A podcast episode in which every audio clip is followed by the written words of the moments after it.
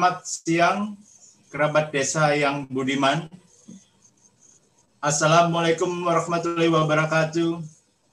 Waalaikumsalam. Om Waalaikumsalam. Salam sejahtera, salam kebajikan, nama budaya. Tidak terasa kembali di Talk with Arvin hari ini, episode spesial yang ke-17. Hari ini hadir narsum-narsum spesial dengan tema yang spesial pula, strategi vokasi desa membangun bangsa. Hadir hari ini tamu dari Universitas Terbuka, Dr. Insinyur Nurmala Pangaribuan, MS.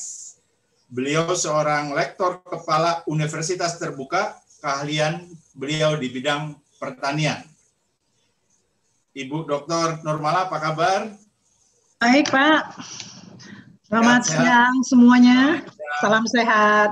Sehat, sehat selalu Ibu di Ya. Jakarta. Mantap, Terima Bu. kasih. Putih di Depok ya? Kenapa, Pak? Putih di Depok apa di Jakarta? Di Jakarta ya?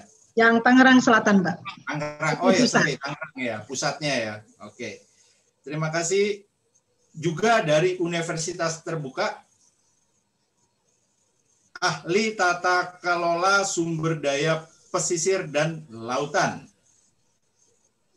Kita sapa Dr. Ernik Yuliana, SPI MT.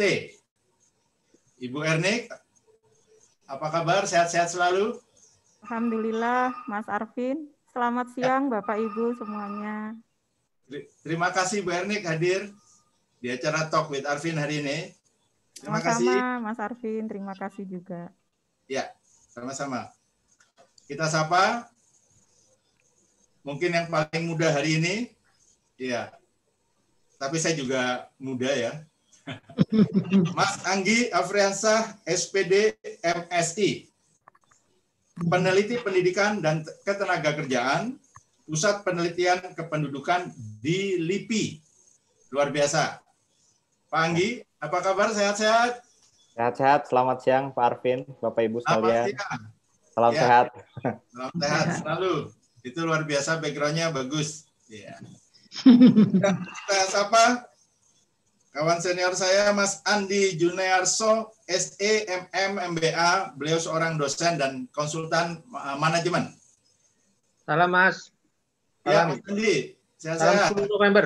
Semangat 45. Ya, oh iya kita masih uh, dalam ini ya Hari Pahlawan ya. Terima Ya. kasih. Nah kebetulan juga di sini kita sapa ada tamu juga Pak Bambang Irianto SD. Ya. Ya. Salam. Beliau dari Nawacita Studi Institute. Ya. Kenal. Salam, ya, salam Nawacita. Uh, beliau uh, pen- uh, former dari BUMN Jasa Keuangan juga aktif di kegiatan eksplorasi migas dan sekarang aktif di Nawacita Studi Institute membantu industri UKM Go Internasional. Wah, luar biasa. Terima kasih Pak Bambang ikut hadir hari ini. Terima kasih. Terima kasih. Kerabat Desa yang Budiman, hari ini kita tayang secara live di dua satelit, Parabola, Telkom 4 dan Nusantara 1, serta juga tayang live di YouTube live TV Desa on terus dan juga di aplikasi Google dan Genflix. Ya, jadi bisa menonton juga di uh, Genflix. Hari ini kita temanya pendidikan, khususnya vokasi desa. Nah, seperti kita ketahui pada masa pandemi ini, ada sebuah blessing in disguise. Bagaimana dulu urbanisasi, deurbanisasi khusus, khususnya ke desa, itu sulit, sekarang terjadi secara otomatis. Banyak sekali pemuda-pemuda kembali ke desa karena kehilangan pekerjaan di kota. Tentunya itu sebuah kesempatan, sebuah momentum bagaimana pemuda-pemuda desa yang kembali ke desa saat ini betul-betul uh, dimanfaatkan untuk membangun sebuah desa. tentunya dengan upskilling, upgrading pemuda-pemuda desa itu supaya tidak kembali ke kota lagi. Ya mungkin dengan program prakerja yang kita arahkan untuk membangun uh, desa-desa industri bersama pemuda-pemuda yang kembali ke desa. Ya, dan ini sebuah momen yang baik, sebuah era transisi yang sebetulnya bisa kita manfaatkan tentu era transisi yang kita canangkan adalah trans, uh, transformasi di era global, di era transisi yang betul-betul bertransformasi. Tidak saja transformasi semu kembali ke masa lalu yang mungkin bahkan di bawah masa lalu. Nah, hari ini kita bersama narsum-narsum akan membahas strategi vokasi desa membangun bangsa karena kita adalah negeri udik. Ribuan desa, puluhan ribu desa bisa menjadi fondasi bangsa untuk ekonomi maju. Amin. Kita sapa dulu hari ini uh, dari Universitas uh, Terbuka, ya, yang paling senior saya rasa hari ini, Dr. Uh, Insinyur Nurmala Panggaribuan MS. Ya. Ibu Uh, selamat siang, Ibu, Pak. Selamat siang, Ibu Nurmala. Iya, senang ya. sekali uh, bisa uh, hadir hari ini. Iya, tadi uh, sudah saya uh, bercerita apa ikut uh, bercerita bahwa banyak sekali pemuda-pemuda uh, dari kota sekarang kembali ke desa karena terpaksa. Ya, hmm. tentunya uh, itu adalah sebuah uh, momen yang bisa kita Ah, mungkin manfaatkan. Nah, Ibu kan ahli di bidang pertanian. Nah, sekarang sendiri mungkin generasi muda ini adalah generasi uh, digital, Ibu ya. Mungkin yeah. Jarang sekali ada gen uh, generasi muda gemar tani ya, generasi muda gemar tani. Mm. Nah, dari universitas terbuka sendiri yang kita ketahui mungkin ada lebih dari 300 ribu mahasiswa Ibu ya di universitas terbuka. Ya, nah, kurang lebih kurang lebih ya. Nah, program-program apa yang sudah ada di universitas terbuka khususnya bidang pertanian Ibu, baik uh, kesarjanaan maupun uh, uh, sertifikasi ataupun vokasi mungkin Ibu. Uh, baik, terima kasih Mas Arvin. Uh, ya. Selamat siang. Selamat siang. Sahabat Desa yang budiman. Assalamualaikum warahmatullahi wabarakatuh. Oh, Salam sehat untuk kita semuanya. Salam sehat. Uh, kalau untuk vokasi-vokasi uh, yang dari UT untuk pertanian, uh, kita masih uh, sampai melibatkan kepada mahasiswa itu untuk ikut abdimas, ya, pengabdian masyarakat. Okay. Ya, itu, itu sudah berlangsung. Jadi uh, uh, abdimas mereka sesama mereka dan juga ada juga uh, dengan sesama staff atau dosen di UT. Gitu, Pak. Iya uh, Abdimas ini apakah yang dimaksud uh, mereka menjadi tenaga pendamping profesional desa atau uh, ya untuk masyarakat desa apakah bisa diharapkan ke sana atau betul-betul aplikatif uh, ilmu-ilmu aplikatif uh, bidang pertanian untuk desa masih masih bidang-bidang aplikatif pak belum belum sampai ke tahap yang uh, mengikut ke dalam oke okay, oke okay. Bagaimana Ibu rasakan uh, di era pandemi ini? Apakah ada sebuah terobosan mungkin dari UT Universitas Terbuka? Uh, bagaimana momen uh, ada bis, bisa menjadi momen positif ya sebaliknya? Uh, khususnya uh, untuk pelosok-pelosok Nusantara karena kan uh, mahasiswa UT ini sampai seluruh pelosok Nusantara pastinya pas uh, dari ya. desa juga banyak kan? Ya pasti pasti akan uh, apa kena kepada dampaknya pasti kena ada ya para mahasiswa-mahasiswa tersebut. Ya tapi paling uh, kita uh, uh, sinyalnya agak terputus-putus. Oh, maaf. Ya uh, kita di UT paling mengupayakan kepada uh, mereka para mahasiswa itu uh, memberi apa ya uh, bantuan. Ya, uh, oke, okay. mohon maaf uh, kerabat desa. Uh... Signal kurang bagus ya Pak. Iya, iya. Dari saya apa dari sana ya? Oke Ibu silakan. Halo. Atau langsung presentasi Ibu. Kita kita langsung presentasi Ibu saja. Ibu katanya ada presentasi. Nanti kita diskusikan presentasinya. Oke, baik, baik. Eh, terima kasih Bapak Ibu sekalian. Ya. Eh, saya menyapa dulu hari ini eh, kepada para narasumber kita yang hadir juga pada hari ini. Ibu Erni dari UT, selamat siang Ibu. Ya, Mas Andi malam. Afiansah dari LIPI, selamat siang Pak Mas Afndi. Kemudian Ibu. Pak Andi Juniarso, selamat siang Pak Andi. Dan juga ada tadi eh, Pak Babang Irianto dari Nawacita Studi Institut Industri. Oke, baik Pak. Eh, sebenarnya eh, saya ini kena todong nih dari Pak. Oh, ya hari Minggu saya dapat beritanya. Nah, mudah-mudahan eh, saya mencoba eh, melihat eh, ada satu hal yang mungkin masih relevan walaupun dalam kondisi COVID mungkin kalah kalah kalah ini ya kalah pamor dengan COVID. Tapi saya rasa mudah-mudahan masih relevan dengan kondisi ini karena kita tetap harus mencoba eh, apa ya namanya eh, mengkaitkan antara eh, kebutuhan kebutuhan pangan kita dengan kondisi ya dengan kondisi ini ya. ya lahan yang kurang udah semakin sempit terhadap Ya. pengadaan pangan. Baik, saya coba eh, share ininya.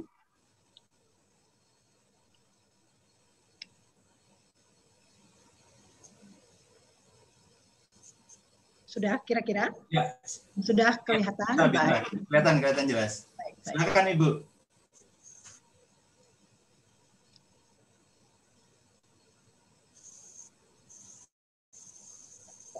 Eh, ini dalam rangka eh, apa eh, paparan saya ini dalam rangka eh, untuk eh, topik ke 17 ya strategi vokasi desa membangun bangsa. Eh,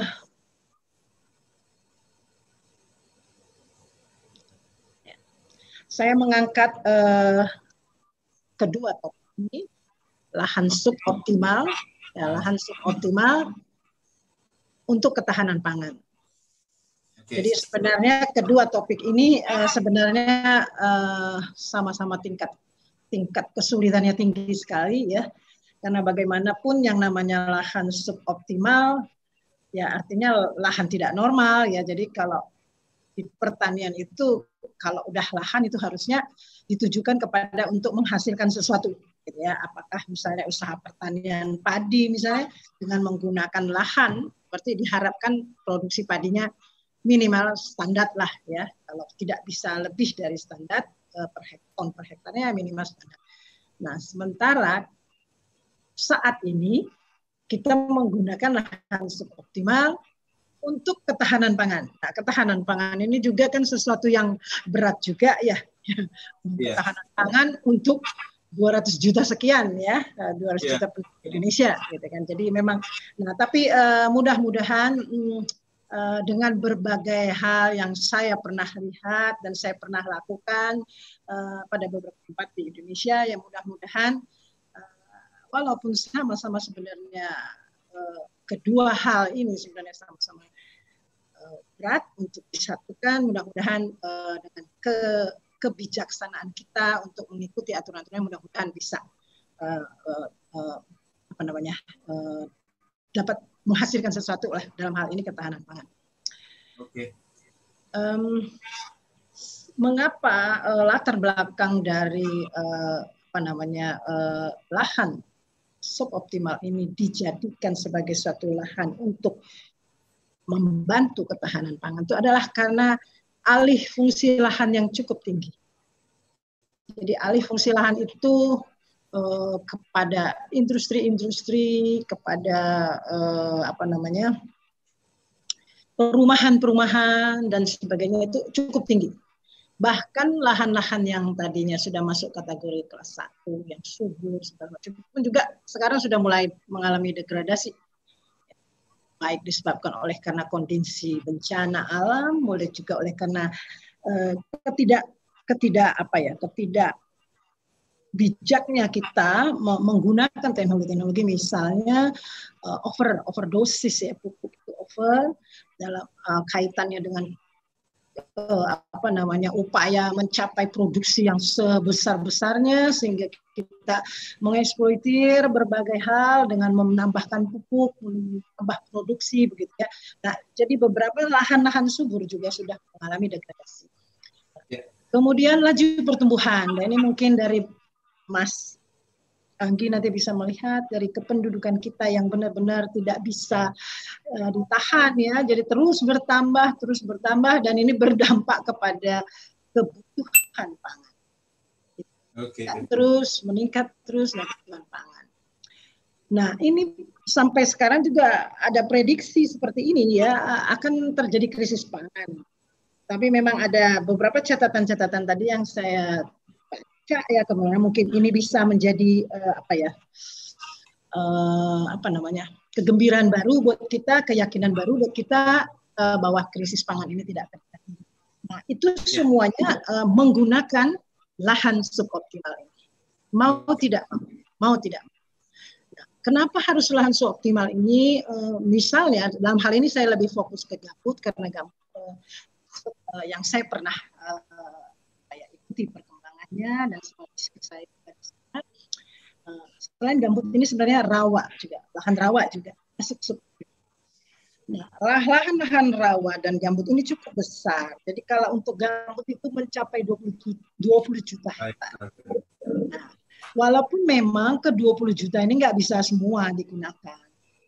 Ya, karena ada kriteria-kriteria walaupun optimal ada pembatasan-pembatasan penggunaannya tidak bisa secara seluruhnya. Nah, kegagalan yang kemarin juga menggunakan sejuta hektar itu kan benar-benar kering, gitu. udah langsung tidak bisa dimanfaatkan. Jadi memang perlu uh, beberapa hal yang harus kita perhatikan dalam hubungannya dengan karakteristik lahan tanah optimal. Iya. Nah, di lahan rawa itu juga tercatat juga ada sekitar 30 juta lahan rawa saat ini. Nah, itu juga mungkin uh, uh, beberapa wilayah seperti Kalimantan itu sudah mengupayakannya dalam rangka untuk pencetakan sawah-sawah baru. Jadi itu itu sudah diinikan. Nah, mengapa suboptimal ini menjadi sangat terkendala apa ya uh, kendala yang besar sebagai suatu lahan pertanian terutama dalam tujuannya kepada produksi itu karena uh, uh, kondisi fisik kimia dan biologis tanahnya. Okay. Jadi itu sangat sangat fragile. Apa? Fragile. Rapuh. Yeah. nah, uh, jadi uh, dan ketiga sifat ini saling terkait. Jadi uh, tidak bisa uh, fisiknya baik uh, kimianya yeah. biologinya tidak baik itu maka tanah itu bisa. Tidak. Jadi ketiganya ini harus saling. Yeah.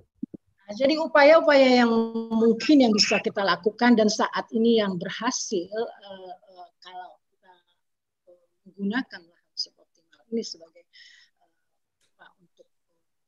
menghasilkan produk pangan uh, adalah memperkuat regulasi. Jadi regulasi sebenarnya sudah banyak sekali dari uh, program saat satu juta hektar itu pun sebenarnya sudah ada regulasi, tapi cuma ya kadang-kadang stop stop di akademi ya, stop di perguruan tinggi gitu ya, giliran di lapangan yeah. itu uh, diabaikan gitu ya. Nah, kemudian yang paling penting juga lagi itu tadi hubungannya dengan si uh, sifat-sifat uh, dari si lahan-lahan optimal itu adalah karakteristiknya. Jadi kita kita harus uh, kenal. Nanti saya akan tunjukkan beberapa karakteristik yang sifat-sifat dari uh, gambut ini yang harus kita ketahui dengan benar, uh, baru kita uh, apa ya uh, mengupayakannya sebagai lahan untuk uh, produksi pangan. Kemudian dan ini saya sebagai agronomis sangat-sangat menyarankan poin ketiga jadi mbok kita nggak usah lah uh, uh, harus tanam padi di mana-mana tanam padi, tanam padi, tanam padi. Udah lahan yang suboptimal, tidak mampu menyiapkan hara yang cocok untuk tanam padi, kita paksain padi gitu kan ya. Nah, ya. saya pikir kalau kita memilih komoditi yang sesuai, ya kan, itu mungkin akan jauh lebih berhasil. Mungkin uh, ini juga mungkin bisa diarahkan kepada misalnya kalau uh, dalam kondisi pandemi banyak urban balik ya dari kota anak-anak muda di di di, di tiap-tiap uh, wilayah di Indonesia seperti di Tambalong itu di Kalimantan Selatan kemarin ada laporan itu sudah pembukaan lahan sawah 3000 hektar per hektarnya diberikan oleh pemerintah 4,3 juta. Jadi saya pikir itu suatu suatu apa ya? suatu kesempatan, ya, suatu kesempatan baik dalam upaya kita untuk uh, membantu uh, negara kita ini tidak sampai krisis pangan. Yeah. Itu kemudian uh, kita kembali dulu kepada ketahanan pangan. Ternyata ketahanan pangan itu besar banget dan dalam banget ininya ya, isinya ya.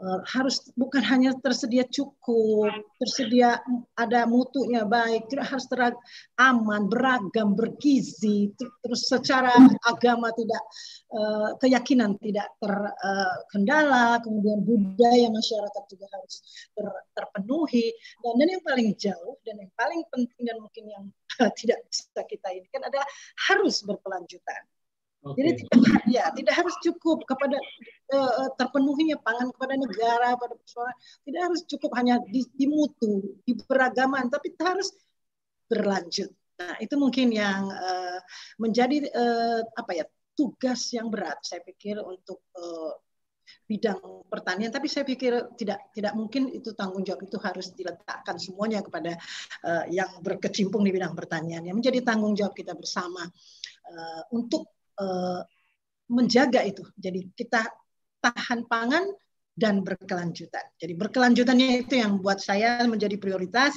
yang yang harus kita jaga. Jadi silahan yang optimal tadi itu pun suboptimal tadi pun itu ya berhubung kita tidak punya pilihan, kita harus masuk ke lahan suboptimal, itu juga kita harus jaga keberlanjutannya. Okay. Ketahanan pangan kita juga kita harus jaga keberlanjutannya. Itu itu saya pikir menjadi sangat-sangat tugas yang paling besar tapi ya sangat mulia kali ya hubungannya dengan 10 November kali kita uh, anunya gitu kali ya tanggung jawab kepada negaranya di situ kali ya. Yeah. Tidak berperang lagi.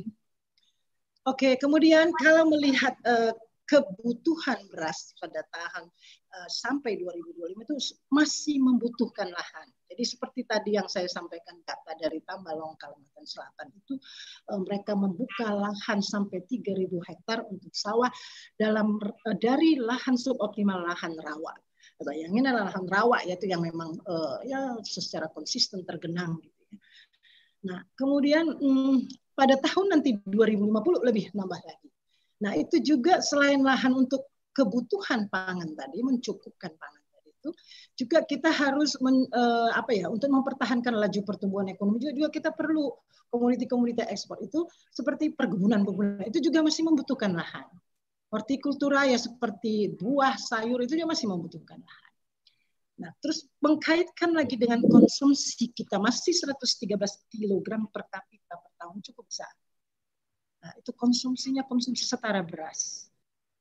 Kapita itu 1,3 kilo, itu 113 kilo kapita per tahun bisa kebayang ya makan 113 kilo per tahun. Yeah. Gitu. Ya, cukup besar ya, cukup besar, sangat besar. Nah, semuanya itu membuat kita termaksa seperti yang saya katakan tadi terpaksa masuk ke lahan suboptimal. Nah, lahan suboptimal mempunyai banyak kendala, punya banyak masalah. Nah, seperti yang saya kemukakan tadi itu gambut itu seperti ini. Ya, sifat fisik tanahnya mencakup temperatur tanah, teksturnya, strukturnya semuanya uh, bobot uh, apa book density-nya, kapasitas tukar kation dan terutama pH-nya. pH gambut itu sangat asam. 2 sampai 4. Nah, okay. pada kondisi-kondisi yang seperti itu memang uh, kita perlu uh, uh, masukkan masukan teknologi dalam upaya untuk memanfaatkan lahan tersebut agar dapat kita harapkan menghasilkan produksi di atas usaha-usaha tani yang dilakukan di sana. Nah, ketiganya ini saling bersinergi tidak bisa seperti saya kemukakan tadi ya sifat fisik baik, sifat kimianya uh, tidak baik, sifat biologi ya tidak tidak bisa. Jadi mereka tidak bisa bersinergi untuk menghasilkan pertumbuhan tanaman dan sampai ke produksi.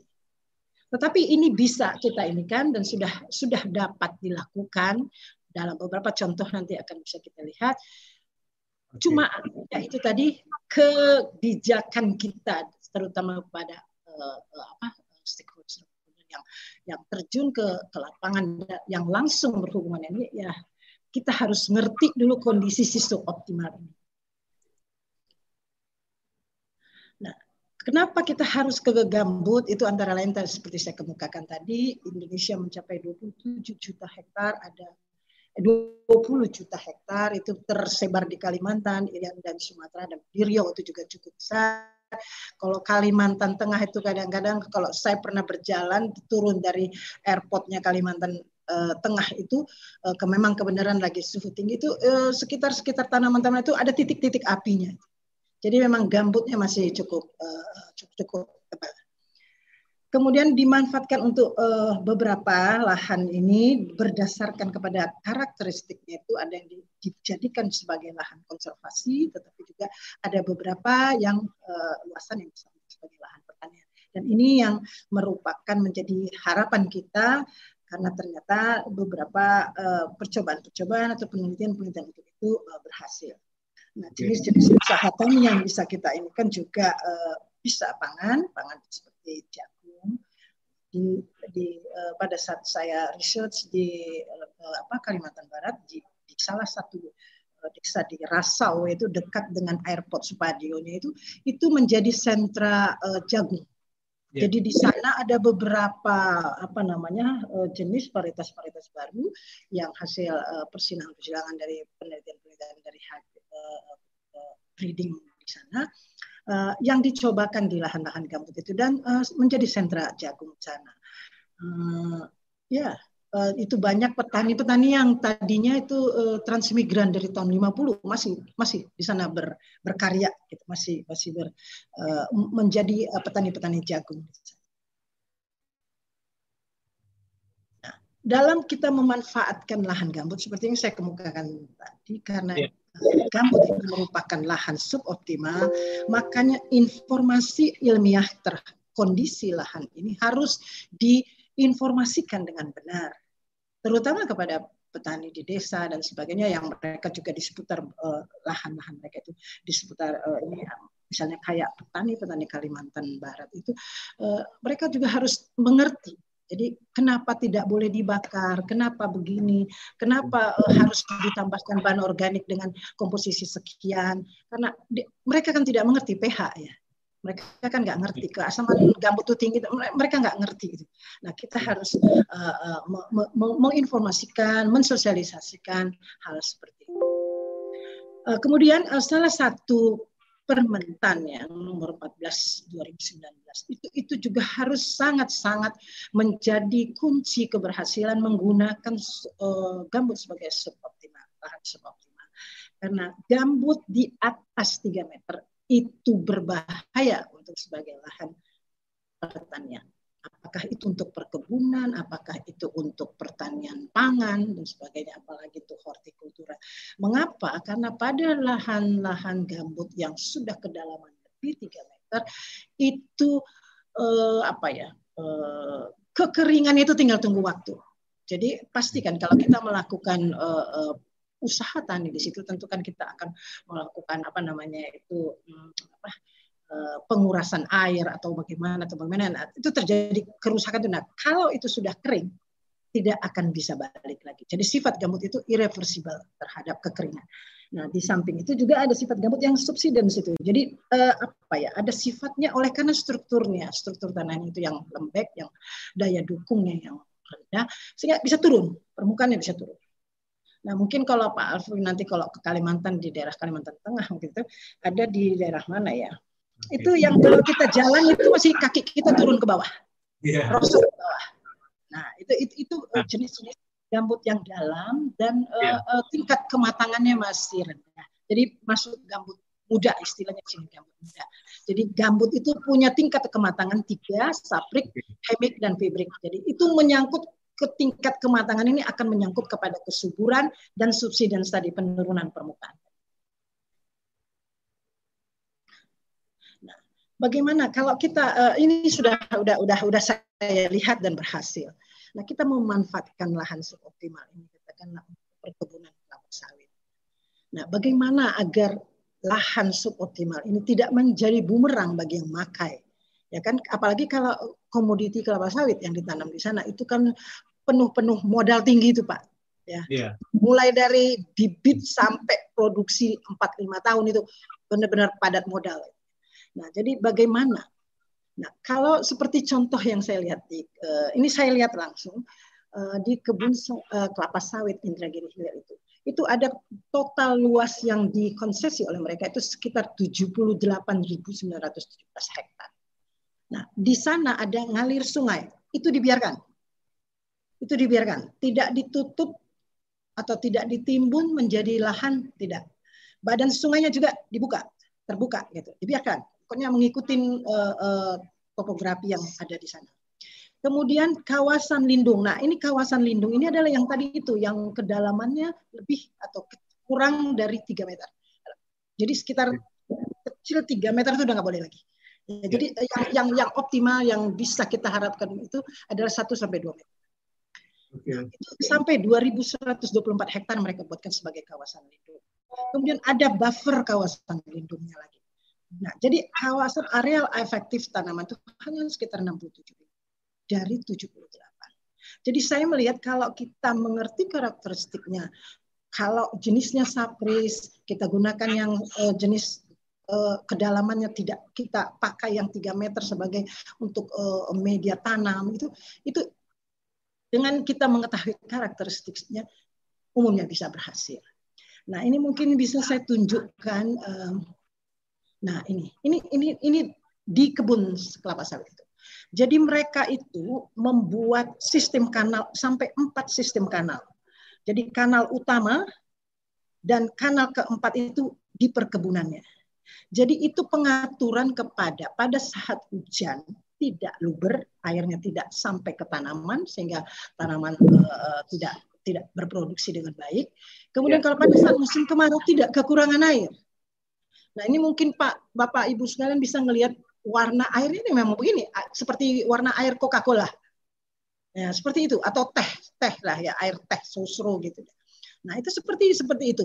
Tapi bersih, Pak. E, mereka mandi pakai gitu sehat-sehat aja saya lihat. Dan giginya juga uh, nggak nggak jadi coklat gitu. mungkin, ini, mungkin ini bisa penelitian dokter gigi kali ya apa kandungannya air gambut ya sehingga tidak merusak uh, mereka mengkonsumsi itu tiap hari um, mandi dan sebagainya. Nah kemudian ini tadi yang uh, sungai tadi. Nah ini di, dimanfaatkan sebagai untuk transportasi ke uh, buat karyawan atau semua semua deh uh, untuk transportasi ke kebun tidak tidak dirusak. Nah itu ada jarak uh, sekian meter itu ke tanaman utama ke ke pertumbuhan.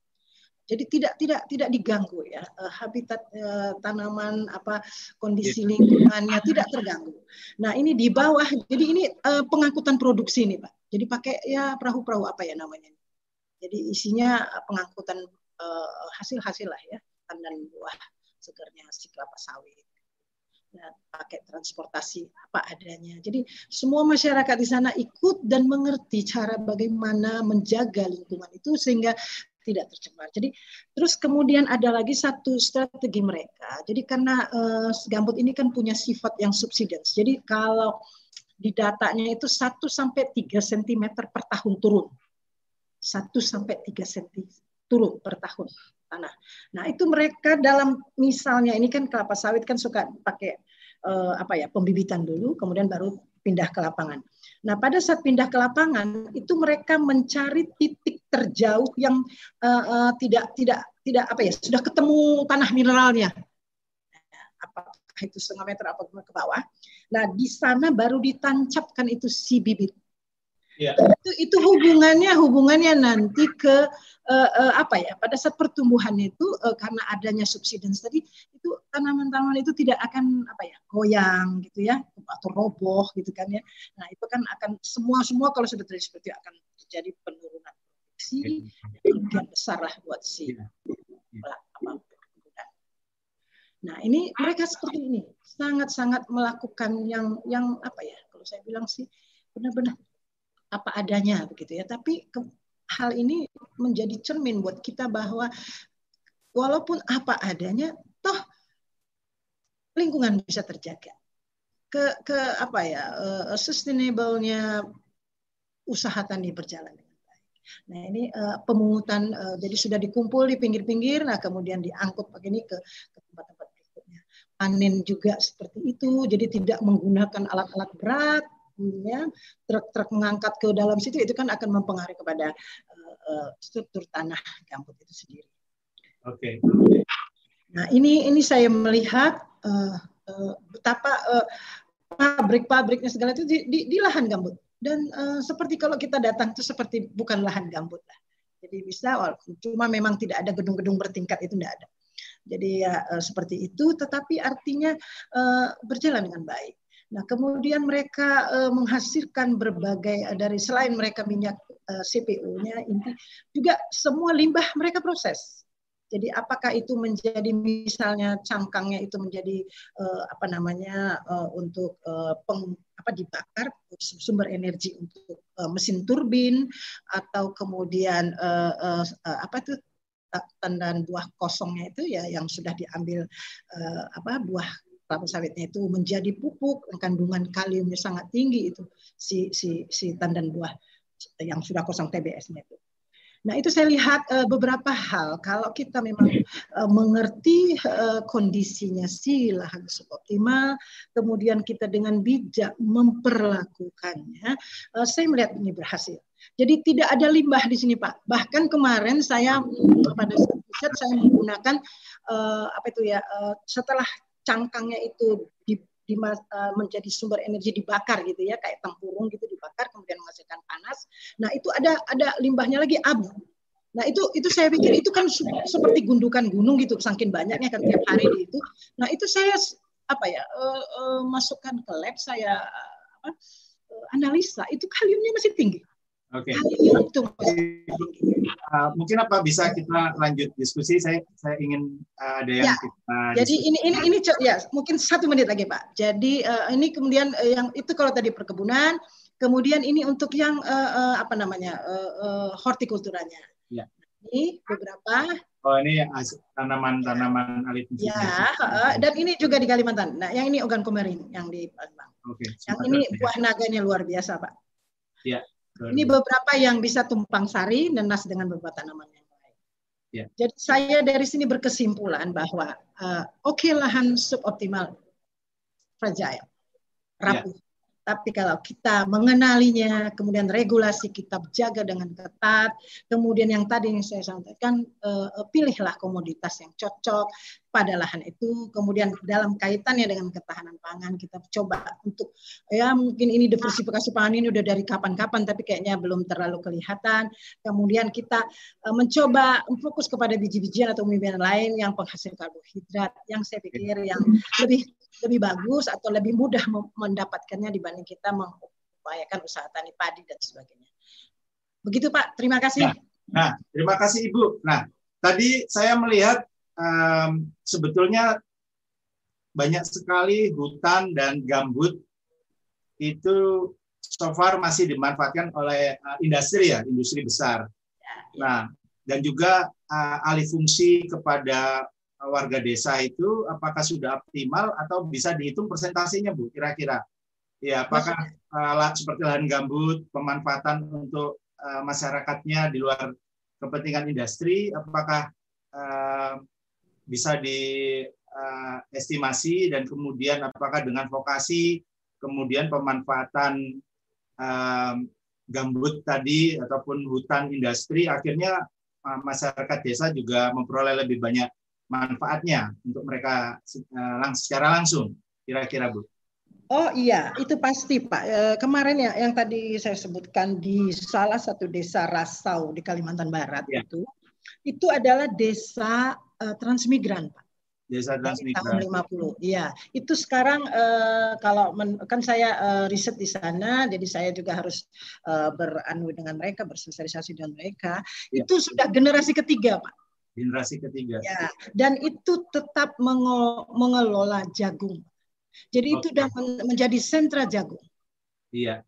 Dari nah, tapi memang varietas-varietas yang digunakan, ya varietas-varietas yang digunakan adalah varietas-varietas yang uh, cocok dengan kondisi gambut dan uh, suhunya Kak Pontianak itu kan cukup tinggi. Berapa besar porsi antara industri besarnya sendiri dengan uh, industri rakyatnya pemanfaatan lahan gambut itu? Apakah sudah ya. imbang atau atau ya memang memang Pak uh, memang Pak mem, mm, kita itu itu memang kita mensangsikan makanya saya tadi uh, saya menyampaikan bahwa regulasi itu harus kita ketat sekali memang itu ada kaitannya dengan kepada produksinya Pak. Jadi hasil dari kelapa sawit tentu kan lebih hmm. besar ya daripada uh, uh, uh, tanaman pangan ini katakanlah kayak jagung. Itu gitu kan ya. uh, kasih untuk masyarakat ya agar pemanfaatan ya, dan, mereka ya. lebih optimal mungkin Ibu ya.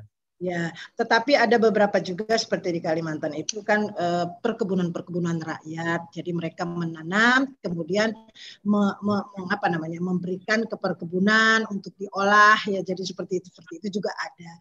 Tapi kalau saya lihat sih untuk tanaman pangan itu banyak petani, Oke. petani, masyarakat. Iya. Semoga dengan ya. program-program vokasi pertanian Eh, dari universitas terbuka pemanfaatan lahan gambut untuk masyarakat bisa lebih ini Bu ya optimal ya. Ya, mau tidak mau ya. Pak harus harus ke ya. sana. Ya. kita ya. dorong ya. program vokasi UT di uh, masyarakat ya. kita. Ya. Ibu nanti kita sambung lagi. Ya, saya, saya ingin menyapa uh, Terima kasih, Pak. Ibu tadi sempat bicara uh, bonus uh, demografi ya di desa ya tadi. Ya, nah, saya mau ya. tanya alih kependudukannya dulu loncat dulu tadi ya Pak ya uh, ya dengan uh, Pak Anggi Firmansyah SPD MSI Mas Anggi.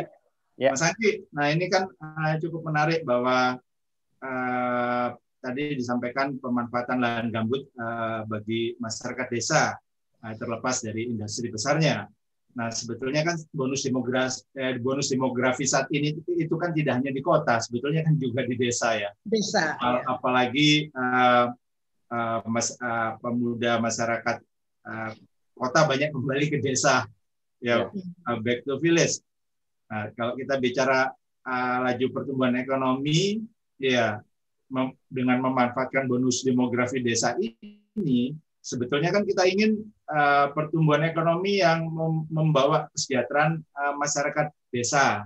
Iya. Nah kira-kira pandangan uh, Pak Mas Anggi sendiri bagaimana dengan perubahan uh, pertumbuhan e ekonomi desa sendiri yang sekarang sedang sedang berlangsung, kemudian tadi urbanisasi tadi, ada urbanisasi, ya apakah ini akan merubah landscape demo bonus demografi ke depan ya? Dan juga bagaimana hubungannya nanti dengan pemanfaatan lahan-lahan uh, tadi apa hutan dan lahan gambut yang sekarang porsinya masih lebih besar ke industri mungkin. Ya kira-kira ya. itu Mas Anggi. Ya, terima kasih Pak Arvin. Ya. Uh, menarik sekali memang tadi yang disampaikan oleh uh, Bu Nurmala ya. Iya. Uh, jadi uh, sangat erat kaitannya sebetulnya dengan pendidikan ya. Meskipun uh, sering kali kalau kita ya kita tahu semua bahwa Eh, konteks pendidikan dengan uh, pertanian industri itu sering kali kayak terputus gitu uh, kalau hmm. menggunakan uh, yang disebut uh, oleh uh, apa orang-orang yang ahli vokasi misalnya uh, mismatch ya jadi nggak ketemu ketemu gitu hmm. dunia industri pergi ke mana sementara pendidikan nyiapinnya apa gitu dan iya. kritiknya kan uh, pendidikan kita atau pelatihan kita itu supply side ya jadi hanya mementingkan aspek supply aja gitu. Sebetulnya yang dibutuhkan demand side-nya apa gitu misalnya. Nah, kaitan yang tadi dengan uh, konteks bonus demografi dan lain-lain misalnya, apalagi dengan pergeseran anak muda yang misalnya kembali ke desa, uh, memang ya. secara data belum terlihat besar ya memang. Saya juga tidak terlalu pasti ya, cuma kalau uh, gambaran umum memang orang masih cenderung ke kota gitu misalnya, masih kuat ya. ke kota misalnya. Karena uh, kalau teman-teman yang kritis tuh di kalangan pendidikan bilang bahwa uh, sekolah itu untuk pergi gitu. Kita hmm. semua mungkin di sini adalah anak-anak desa, ya, yang berkat pendidikan kemudian melakukan mobilisasi ke kota, uh, urbanisasi ke kota uh, dengan hmm. harapan punya mobilitas vertikal menjadi lebih baik gitu misalnya. Uh, sampai ketika kami riset di Papua gitu, itu tuh ada satu tulisan ditempel di apa di dinding kelas SMP itu. Dia bilang gini, saya bacakan aja. Kalau yeah. hari ini Za mama dan bapak berkebun untuk Za, berarti besok Za harus jadi orang yang kerja di kantor. Nah, bayangkan imajinasi yang dibangun di dunia pendidikan ketika hmm. bahwa berkebun itu pekerjaan hmm. yang bukan bagus gitu. Eh, hmm. Menjadi nelayan itu nggak bagus, makanya kalian harus pinter, kemudian pergi ke kota uh, konteks itu kan praktikal ya karena kaitannya juga lahan-lahan yang ada di wilayah-wilayah di Indonesia itu sebagian besar dikuasai oleh industri-industri besar gitu. Yeah, nah, sementara yeah. orang lokal kemudian uh, terpinggirkan dalam banyak aspek ya. Uh, riset saya tidak pernah ikut sekali sih sebetulnya riset di daerah Lampung itu kan perkebunan besar ya ada ada apa uh, uh, tebu ya besar sekali gitu misalnya. Tapi yeah. kemudian uh, masyarakat lokalnya sangat terbatas aksesnya kemudian karena hmm. pendidikannya juga rendah uh, sebagus-bagusnya mereka kemudian jadi security misalnya. Nah, kemudian yang bagus-bagus itu yang level manager ke atas itu kemudian berasal dari eh, Jawa lah sebut aja seperti itu. Bahkan ya, untuk untuk tenaga pemanennya pun sering kali memanfaatkan eh, orang-orang dari daerah Jawa dan kemudian terbentuklah stereotype bahwa orang lokal itu malas dan tidak bisa diajak bekerja gitu misalnya. Jadi itu itu yang bentukan pendidikan sebetulnya yang kemudian terinternalisasi secara lama gitu. Nah, kalau kaitannya dengan vokasi membangun desa, sebetulnya pemerintah sebelum adanya in, eh, apa ya eh, revitalisasi vokasi itu punya program yang namanya eh, memba, eh, desa vokasi. Itu iya. diinisiasi oleh Kemdikbud. Jadi baca programnya itu bagus sekali itu dari 2010. Misalnya hmm. ada peningkatan potensi lokal, kemudian melibatkan berbagai pihak sebagai satu ekosistem ya baik itu lembaga pendidikan formal dan non formal, kemudian juga lembaga-lembaga di luar industri dan lain-lain. Okay. Tapi memang uh, pada praktiknya kemudian itu tidak tidak terlalu berhasil menarik anak-anak muda yang punya kualitas untuk kembali ke desa. Nah, yang balik, balik lagi ke desa sebelum adanya dana desa itu rata-rata adalah orang-orang yang terpental dari kota gitu. Jadi hmm. orang-orang yang kemudian merasa bahwa di kota susah, balik lagi ke desa, kemudian ada sedikit keterampilan, ada imajinasi tertentu, ada idealisasi, yang mereka membangun desa gitu. Ha, sangat jarang kita temukan orang-orang yang memang sejak awal kemudian memang sudah gigih gitu misalnya mau dari desa. Nah adanya dana desa sebetulnya kan membuat memberi ruang ya, karena yeah. dari berbagai uh, regulasi yang ditampilkan, misalnya untuk porsi pendidikan termasuk uh, cukup lumayan, terutama untuk pendidikan dasar uh, seperti Pak Pak Ud ya. Yeah, iya. Kemudian yeah kalau saya baca di regulasi eh, apa ya yang yang permen permen desnya ya yang eh, peraturan menteri pembangunan eh, menteri desa dan pembangunan daerah tertinggal hmm. dan migrasi itu misalnya disebutkan ada banyak pelatihan yang bisa dilakukan gitu misalnya eh, keterampilan non formal berbasis potensi desa kemudian konservasi sumber daya pesisir gitu itu kan semua iya. yang adanya lokal ya itu mas ya tapi lagi-lagi memang karena dari sejak awal kita tidak dibangun oleh pendidikan kita lagi-lagi ya, uh, oleh pendidikan kita bahwa kita harus punya kesadaran terhadap konteks lokal misalnya. Yeah. Akhirnya orang bingung uh, potensi lokalnya apa. Ditambah juga ada situasi di mana lahan-lahan itu kemudian sudah banyak yang terkooptasi oleh industri besar ya. Karena pemerintah kan punya program yang uh, konteksnya uh, besar sekali misalnya kalau di Merauke ada MIFE gitu misalnya. Jadi lagi-lagi iya. korporat basisnya korporasi, bukan basisnya industri lokal.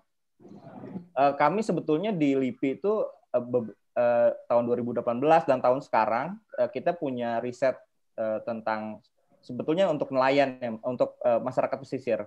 Jadi hmm. kami ingin membangun desain pendidikan yang uh, responsif terhadap konteks lokal, global dan nasional.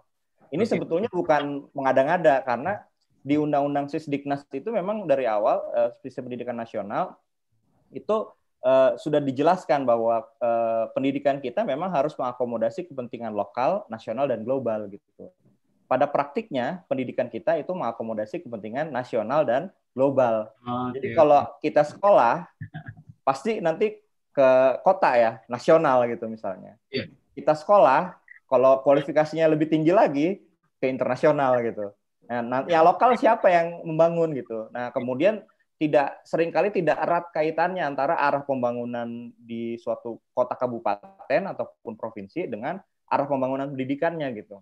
Ya, okay. Betul potensi lokalnya apa sih gitu misalnya. Industrinya apa sih yang ingin dibangun gitu misalnya. Jadi bukannya memperkuat industri vokasi kita gitu, tapi vokasi kita menyuplai untuk industri. Nah, kalau kita mau tarik lagi lebih jauh, uh, founding father pendidikan kita misalnya, Ki Hajar Dewantara itu selalu bicara bahwa pendidikan itu harus berbasis nasional, nasional dan kultural. Kultural itu lokal. Makanya dia bilang pendidikan fakskul ketika itu ya, pendidikan vokasi itu basisnya harus lokal gitu. Uh, karena nanti ini anak-anak ini yang memperkuat konteks, uh, pembangunan di level lokal gitu. Nah sekarang ini pembangunan di level lokal di, di, di apa ya dilempar ya, maksudnya uh, apa ya kemudian jadi sangat terbatas karena tidak disuplai oleh pendidikan. Jadi pendidikan ya udah berjalan gitu, tapi ya, ya. pendidikan untuk peningkatan kualitas SDM bukan basisnya vokasi. Sementara kalau vokasi itu kan betul-betul keahlian ya, skill gitu misalnya, keterampilan dan apa yang bisa dielaborasi dari alamnya gitu. Sementara anak-anak kita di kurikulum kita itu memang ada patok-patok gitu, apalagi pendidikan formal ya. Pendidikan formal itu cenderung kayak misalnya kalau temuan kami SMK Perikanan dan Kelautan, mereka tuh nggak punya kaitan erat dengan masyarakat nelayan gitu, nggak tahu itu apa yang harus diolah di situ gitu. Jadi basisnya adalah orientasinya adalah kalau sudah lulus, saya mau kerja di kapal-kapal asing karena gajinya besar. Nah, yang tidak kalau terserap semua oke okay ya, kayak misalnya di Mundu itu rata-rata terserap, bahkan di Ijon sebelum lulus itu, atau ada uh, di Subang dan lain-lain. Itu banyak ada beberapa sekolah yang memang sudah canggih, tapi mayoritas nggak canggih kayak gitu gitu. Sampai temuan kami di Jogja itu sekolah maritim itu karena dididik secara militer, disiplin kan, karena diharapkan yeah. ketika nanti di laut itu nggak nggak apa ya nggak kaleng-kaleng gitu misalnya okay. itu akhirnya kan mentalnya kuat uh, fisiknya bagus yang rekrut bukan eh, kapal-kapal baik di level lokal nasional atau global tapi yang merekrut adalah uh, apa ya apa uh, yang untuk petugas security gitu karena okay. secara secara tubuh itu memadai gitu misalnya secara fisik ya maksudnya yeah, yeah. jadi itu yang kemudian jadi persoalan sih menurut saya jadi kalau kita mau tarik ke pendidikan makanya Uh, dan di satu sisi ya mas misalnya yeah. ketika misalnya dia berminat jadi petani nggak punya modal gitu ketika dia minat jadi petani nggak punya lahan karena lahan kita kan untuk uh, skala keluarga itu paling cuma uh, hektar ya iya. hitungannya yeah. gitu karena udah diambil ya mungkin ibu ibu yeah. normal lebih paham yeah. datanya gitu. Tapi, sempit lah umumnya lahan ya, sempit ya. pelan sempit jadi dan akhirnya nggak bisa tuh misalnya membayangkan mengimajinasikan petani-petani kita atau kebun kita kayak petani-petani ya. di Amerika ya. gitu. Ya. Mas Anggi, Mas Anggi. Ya. Jadi uh, kalau saya lihat kan uh, kesimpulan dari Mas Anggi ini bahwa sebetulnya pemuda-pemuda yang kembali di desa, desa atau sudah di desa sebetulnya cukup belajar uh, potensi lokalnya saja, ya. alamnya apa, kreatifnya apa. Ya. Sebetulnya kan masalah lahan itu kan bisa apa ya second priority. Misalnya tadi kita bicara agroforestry kan ya. itu bisa menjadi uh, produk kreatif. Hmm. Misalnya di tinggal dikasih sentuhan uh, storytelling uh, budaya lokalnya apa, ya, ya, ya. atau sejarahnya lah, atau uh, pendekatan uh, lokal konteksnya ya mungkin. Saya rasa kan uh, pemuda-pemuda cukup kreatif untuk ya. meningkatkan value itu. Ya, kira-kira bagaimana? Apakah uh, apakah bisa uh, dikombinasikan? Jadi tidak hanya alam tapi juga kreativitas ya. Mungkin. Sebetulnya sangat bisa ya. Dan yeah. itu uh, kalau kita mau tarik lagi lebih dalam ya yeah. basisnya di pendidikan gitu. Maksudnya pendidikan. gini, okay. apakah pendidikan kita mengajarkan yang kontekstualisasi itu gitu misalnya. Okay. Ketika di di ruang kelas misalnya. Kan nggak jarang sekali gitu. Misalnya contoh ya, kalau saya ambil yang kurikulum SMK. Kurikulum SMK itu ada yang namanya muatan kewilayahan, Mas, uh, Pak Pak Arvin.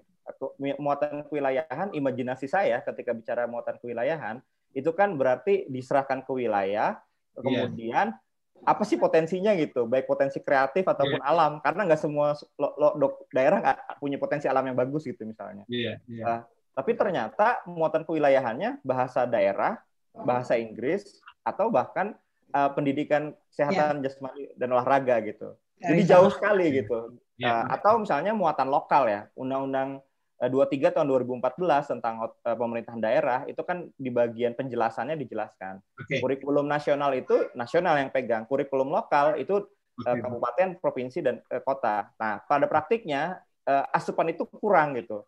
Sehingga ketika nanti dia sudah di dunia kerja atau misalnya sudah lulus ya misalnya dari persekolahan, itu mereka uh, tidak punya imajinasi yang memadai gitu misalnya. Nah, sebetulnya ini ruang di mana uh, pemberdayaan ya misalnya uh, baik yang dilakukan oleh kementerian lewat pendidikan non formal misalnya ataupun balai-balai balai-balai latihan kerja atau dulu pemerintah pernah mau bikin akademi komunitas gitu misalnya. Jadi itu yeah. ini mengakomodasi gitu sebetulnya bagaimana sih kreativitas dibangun misalnya kayak Korea misalnya. Kita kan tahu Korea itu uh, alamnya misalnya mungkin bagus ya, tapi kan juga mereka banyak yang artifisial gitu misalnya. Mereka yeah, memanfaatkan yeah. tempat syuting tertentu, kemudian dibangun sejarahnya gitu misalnya. Yeah. Kan kita juga bisa begitu kan, bikin yeah. mitos tertentu tentang satu wilayah gitu. Tapi itu belum belum belum optimal gitu. Meskipun juga kalau bicara best practice sudah banyak kan desa-desa yang punya bumdes yang oke, okay, yang asetnya bagus gitu. Yeah. Tapi kalau kita mau jujur gitu misalnya secara presentasi berapa sebetulnya yang kemudian uh, bisa mengakomodasi kepentingan orang lokal gitu misalnya masyarakat yang ada di desa. Baik, baik. Itu, Nanti kita diskusi lagi. Kita sapa ya, dulu teman-teman narsum uh, lainnya. Iya. Saya ingin menyapa uh, Dr. Uh, Ernik. Beliau ahli tata kelola sumber daya pesisir dan lautan universitas terbuka. Ya, jadi kalau saya tangkap dari Mas Anggi tadi, uh, saya saya rangkum dulu. Jadi tidak hanya berbasis sumber daya alam ya tadi ya, tapi juga ada kreativitas eh, eh, budaya dan history desa pun bisa dikombinasikan semua ya menjadi sebuah kurikulum vokasi mungkin ya. Nah, uh, dok, Ibu Dr. Ernik, uh, ya selamat siang. Uh, siang, Mas Ibu, Ibu, ya. ya, tadi uh, disampaikan juga Mas Enggi tentang bagaimana membangun sebuah sistem pendidikan uh, mungkin apa ya bottom up ya yang uh, dari uh, untuk desa yang sifatnya tuh uh, sangat uh, strategis SDM desa dan anti apa ya antisipatoris lokal lokal lokal kurikulum mungkin ya. Nah, tadi sempat saya dengar dari uh, Mas Anggi juga tentang um, masyarakat pesisir ya bagaimana uh, banyak uh, belum ada mismatch antara potensi alam pesisir dengan uh, cita-cita pemudanya sendiri gitu. Kira-kira bagaimana uh, melihat ini, Mbak Ernik ya, Bu Ernik? Iya, terima kasih Pak Arvin. Iya. Uh, menarik sekali ya penjelasan Mas Anggi tadi tentang pendidikan untuk masyarakat pesisir atau pelatihan gitu ya. Yeah. Iya. Uh, kalau saya pribadi sangat senang seandainya itu bisa terrealisasi, Mas Anggi, karena uh, memang nelayan kita itu apa ya ibaratnya perjuangan hidupnya sangat sulit gitu ya Pak Arvin. Yeah. Sudah uh, cara mempertahankan hidupnya susah gitu ya, harus mengarungi laut dan sebagainya. Kemudian para nelayan ini juga mempunyai pendapatan yang rata-rata paling rendah gitu ya di antara profesi yang lain. Termasuk kalau dibandingkan dengan petani, itu nelayan juga mempunyai pendapatan yang lebih rendah gitu ya secara relatif. Nah, eh, mungkin itu kalau eh, dihubungkan dengan edukasinya ya, karena tingkat pendidikan mereka yang rendah mungkin salah satunya. Nah, seandainya itu eh, bisa diberikan edukasi ya bagi nelayan yang sekarang eh, sudah aktif gitu ya, uh, mereka bisa mempersiapkan anak cucunya nanti agar tidak uh, nasibnya tidak sama seperti mereka gitu ya. ya. Mas Arvin dan Mas Anggi. Tetapi uh, terus terang untuk universitas terbuka itu kami belum mempunyai program vokasi untuk uh, para petani dan para nelayan itu Mas Arvin. Jadi kami masih mempunyai pendidikan formal tadi yang Mas Anggi sebutkan ya yaitu untuk sarjana dan pasca sarjana gitu. Untuk vokasi sedang kami siapkan tapi sampai saat ini belum kami tawarkan gitu Mas Arvin kira-kira. Jadi vokasi untuk desa juga ada Ibu. Eh, saat ini belum. Belum. Saat ini belum. Tetapi sedang kita siapkan gitu ya karena memang eh, Bapak Presiden kan sangat menyarankan ya pendidikan ya. vokasi itu Eh, kami Universitas Terbuka sedang menyiapkan segala fasilitasnya gitu. Karena tadi kan Mas Anggi sebutkan pendidikan vokasi ini berbeda dengan sarjana gitu ya. Kalau sarjana itu kami 30% SKS di dalam kurikulum itu praktikum. Nah, sementara vokasi ini kan menyaratkan 60%. minimal 60 persen, Pak iya. Arvin itu uh, untuk praktek atau praktikum agar tadi menjadi tenaga ahli atau tenaga terampil gitu ya. Yeah. Nah, kami di Universitas Terbuka sebagai pendidikan jarak jauh itu uh, apa ya harus benar-benar disiapkan fasilitas untuk prakteknya itu, Pak Arvin. Yeah. Uh, terus terang kami masih uh, terkendala itu untuk pelaksanaan prakteknya itu. Kalau uh, apakah mungkin uh, uh, misalnya 300 ribu student uh, yang ada di UT bisa diserap juga menjadi tenaga pendamping desa semisal semisal melalui vokasi-vokasi desa itu. Tenaga pendamping desa ya. Iya.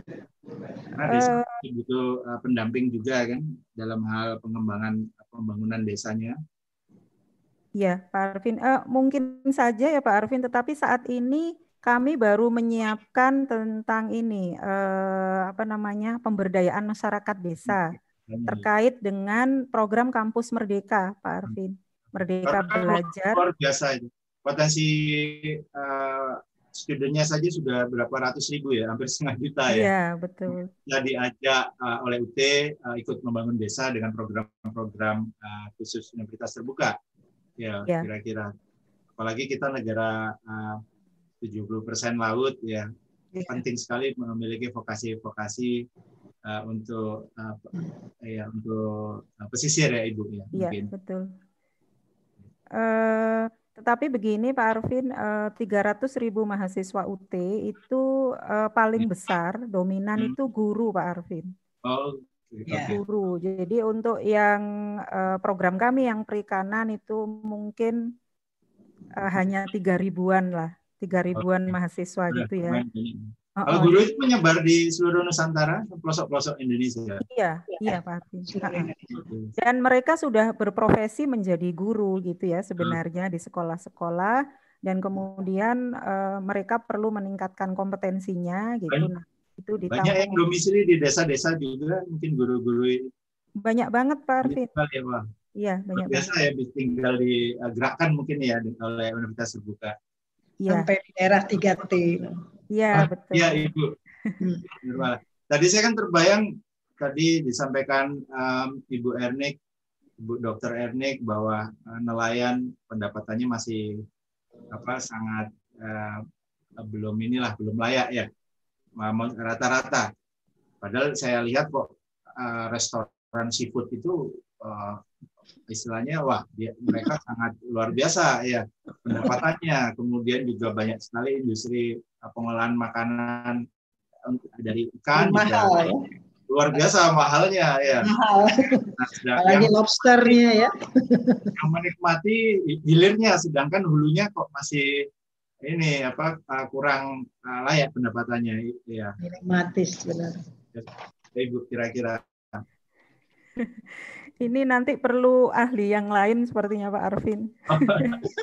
ya semoga nanti dengan program-program lain bisa fenomenanya meningkatkan ini apa skill ya skill para nelayan mungkin ya. Iya betul harus ada edukasi-edukasi uh, tersendiri ya Pak Arvin ya. Okay. Kalau saya lebih menyorotinya uh, bahwa meskipun nelayan ini uh, apa ya tadi pendapatannya paling rendah gitu dibandingkan dengan profesi yang lain, tetapi nelayan ini uh, adalah pihak yang berhubungan utama gitu dengan laut ya. Kalau tadi Mas Anggi menyebutkan tentang program konservasi pesisir gitu, saya sangat setuju bahwa nelayan inilah yang harusnya menjadi pelaku utama di program konservasi itu Pak Arvin. Jadi subjek ya. Iya, tetapi untuk saat ini itu kesadaran nelayan tentang kelestarian sumber daya ikan itu masih tergolong rendah gitu loh Pak Arvin. Okay. Jadi mereka banyak e, berpendapat atau berpandangan bahwa sumber daya ikan kita itu melimpah hmm. tidak tak terbatas gitu. Jadi berapapun saya nangkep nggak akan habis itu ikan di laut gitu. Nah itu mungkin yang harus perlu kita sadarkan bahwa sumber daya ikan kita ini terbatas juga gitu. Kalau penangkapannya tidak dikendalikan, tidak yeah. dikelola dengan baik, suatu saat akan kolaps juga gitu. Nah yeah, itu yeah. Eh, kesadaran itu sangat penting di nelayan dan kalau saya lebih tertariknya edukasi nelayan nanti diarahkan ke sana gitu. Jadi ikan itu jangan dihabiskan sekarang, nanti anak cucunya nggak kebagian gitu ya. Kira-kira seperti itu Pak Arvin. Karena potret dari beberapa riset mengatakan bahwa uh, ukuran ikan yang tertangkap saat ini itu rata-rata sudah semakin kecil ukurannya. Jumlahnya semakin sedikit. Iya, dan itu menandakan bahwa sumber daya ikan kita sudah tidak seperti dulu gitu ya. Sudah menurun kondisinya gitu. Tapi kita tetap harus yakin untuk kedaulatan eh, nelayan kita ke depan itu ya. Iya, mudah-mudahan harus. harus. Oke, termasuk dari usaha eh, meningkatkan kualitas pendidikan nelayan ya. Iya. Nanti mungkin universitas terbuka bisa kerjasama dengan LIPI itu dengan Mas Anggi ya. untuk ya. Uh, membuat pendidikan untuk nelayan gitu. Ya, Sekarang programnya sendiri apa Ibu? Perikanan di UT ada program apa aja? Uh, sebentar ya Pak, saya screen share ya. Kalau di universitas terbuka, Nah ini Pak Arvin dan Bapak Ibu semua, kami ya. baru mempunyai program studi S1 dan S2. Okay. Untuk S1 itu program studi agribisnis, hmm. yang di sana ada tiga bidang minat. Saya satu program studi dengan Ibu Nurmala ya.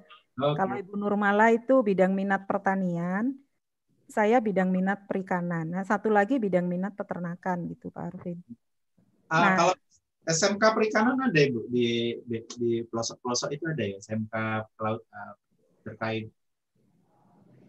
SMK ya Pak Arvin? Guru-guru iya. terkait yang ikut ada. Tadi ada Pak Arvin. hmm, okay. biasanya guru-guru SMK ini masuk ke program studi S2 kita.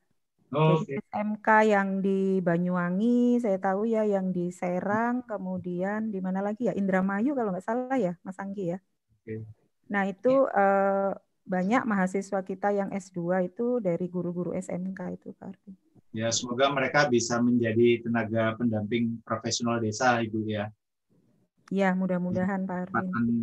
Pembangunan desa ya supaya tidak mendorong inovasi dan motivator ya. Iya. Desa. Mudah-mudahan dalam waktu dekat Universitas Terbuka bisa membuka program vokasi itu ya khusus perikanan. Ya karena kemarin sudah ada tawaran sepertinya dari Kementerian Kelautan gitu untuk bekerja sama itu. Itu bisa nanti Bu ya jarak jauh uh, ini yang untuk praktikum itu bisa nah, ya. itu harus harus kita siapkan dengan baik ya Pak Arvin.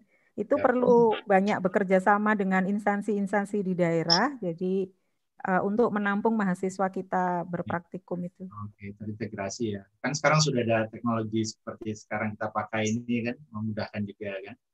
Iya, ya, tetapi ya, itu Pak Arvin uh, jadi curhat nih. Ya, ya. Masalah utamanya kami di Universitas Terbuka itu hmm. untuk mahasiswa yang tinggal di pelosok-pelosok itu Pak Arvin. Jadi akses internetnya minim gitu ya, jaringan internetnya tidak ada. Nah, itu kami kesulitan untuk melayani layanan pendidikan di masa COVID ini untuk mahasiswa yang seperti itu.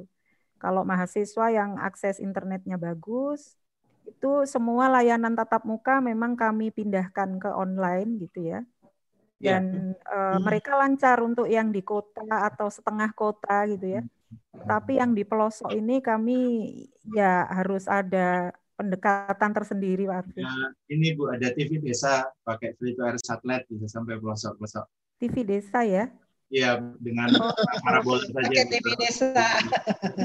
Taruh di satu uh, uh, kantor desa, satu desa bisa dirilai ramai-ramai.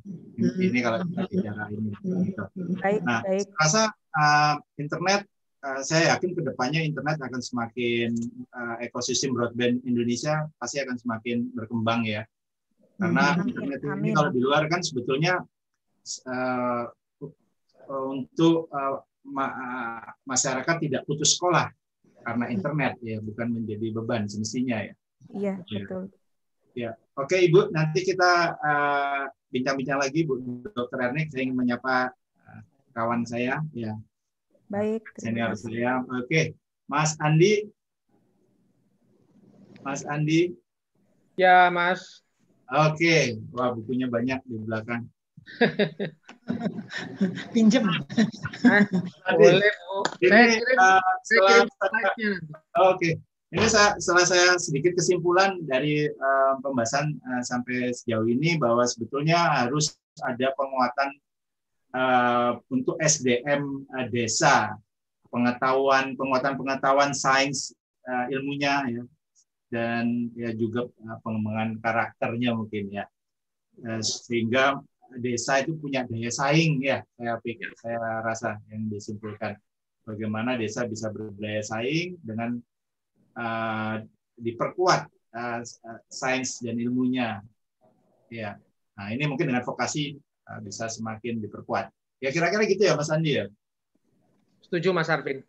Jadi nah dari tiga narasumber sebelumnya kita kan sudah dengar langsung ya tadi Bu Nurmala mengatakan di Kalimantan perkebunannya seperti itu. Bu Ernik juga mengatakan siapa juga eh, Mas Anggi mengatakan pemilik usaha besar itu berapa persen? Enggak sampai 10 persen menguasai 80 persen aset nasional. Jadi yang namanya SDM Indonesia yang 59 persen masih lulusan SMP itu berkutat di 20 kurang persen. UKM-nya yang jumlahnya 5, 60 juta ini slotnya itu kecil. Ini ini konglomerat besar. Nah, ini gimana? Ya, ya. Nah, di situ yang saya mau sharing bahwa vokasi ini bayangkan coba UT itu kan kelasnya ya Bu Ernik ya S1 mulainya, S2. Vokasinya A. Jadi kalau mau ngajak-ngajak saya siap Bu. Siap, ya. siap Pak. Saya catat ya Pak ya. Terima kasih banyak. karena ya. karena gini Bu Ernik, saya itu dulu waktu kerja di salah satu grup konglomerat, saya nggak sebut lah ya, itu punya tiga perkebunan Mas Anggi. Konglomeratnya bukan saya ya. Satu di Jambi, ya, ya. satu di Pasama, Pasaman, uh, satu lagi di Marihat. Itu totalnya 30 ribu hektar. Bayangin itu.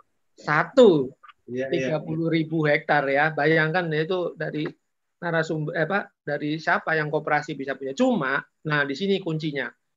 Cuma mereka itu kita bikin kerjasama, Mas Anggi. Jadi Mas Arvin. Jadi kerjasamanya gini, kitanya konglomeratnya 40 persen, 60 persennya eh, plasma. Lah plasma itu dibagi ribuan koperasi.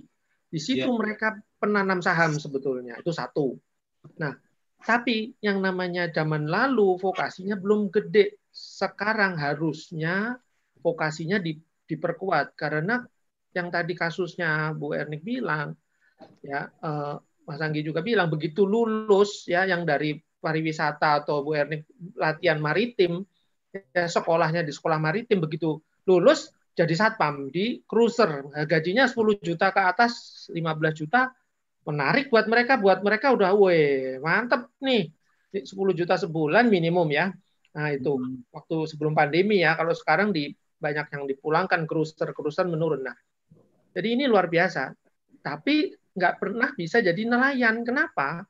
Karena yang punya eh, kapal besar yang bisa mas masuk laut itu perusahaan besar.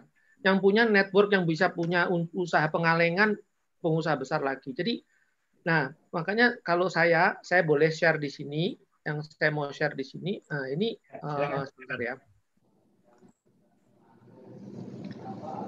Nah, kalau saya mau share di sini, ini ini saya mau awal dulu nih, awal dulu bahwa uh, sorry,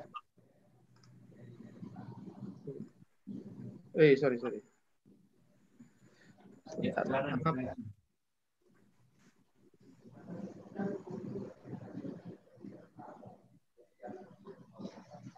Ya, nah ini kan uh, tipe dari uh, apa namanya uh, eh, BLK kita ya. Misalnya ini contoh BLK. Ini BLK ini me, skalanya mungkin SMA lah ya. Nah ini nggak terjangkau, belum terjangkau sama UT ini. Harusnya UT turun ke sini juga kerjasama BLK tadi yang Bu itu bilang bahwa hmm, Bu siapa? Erni. Erni. Erni. Bu Erni, oh ya, Bu Erni bilang bahwa iya. harus kerjasama sama daerah karena agak susah juga kalau online ngajarin bagaimana cara hidroponik gitu ya paling ya seperti hmm. YouTube aja gitu. Cuma dia harus hands on kan, hidroponik, yeah. aquaponik, aeroponik, bagaimana hmm. cara nanam sayur gitu. Kalau ya teorinya sih bisa sih dikasih tahu ya. Cuma antara teori dan dia milih apa namanya dia bagaimana nyetek, dia bagaimana nanam, milih biji segala macam itu udah urusan tangannya masuk di masuk di mana? Masuk di tanah langsung gitu ya, nggak bisa secara uh, uh, apa namanya virtual saja. Nah itu di situ kelebihannya uh, vocation sebenarnya. Ya, nah, ya. vocation itu ini udah ada sekitar kalau Pak uh, yang sampai dengan tahun ini kata dengan perkembangan dengan support Pak Jokowi itu ada sekitar 1000 1100 BLK uh, vocational lah ya di Indonesia. Tapi tersebar. Jadi kalau 1000 masing-masing BLK 1000 orang aja, cuma sejuta orang. Padahal berapa belas juta lulusan Indonesia yang masih lulusan hmm, SMP, belum SMA. Jadi yang tadi UT 300 ribu, apalagi tadi Bu Erni bilang bahwa yang S, ambil S2 adalah rata-rata guru S1 yang peningkatan edukasi. Nah, mereka ini guru peningkatan edukasi bukan siswa loh ini. Nah, mayoritas loh ya. Nah, paling mayoritasnya di S1-nya itu. Padahal S1-nya hanya 5% mayoritas ini. SMP kurang. Nah, ini yang gimana mau masuk di PLK harus harus pemerintah harus bantu ya. Atau juga dengan eh, apa namanya eh, perusahaan BUMN, BUMD supaya mereka bisa dilatih bagaimana caranya misalnya bagaimana cara bikin kue bisa mandiri bisa bikin sampai paket tahu marketingnya.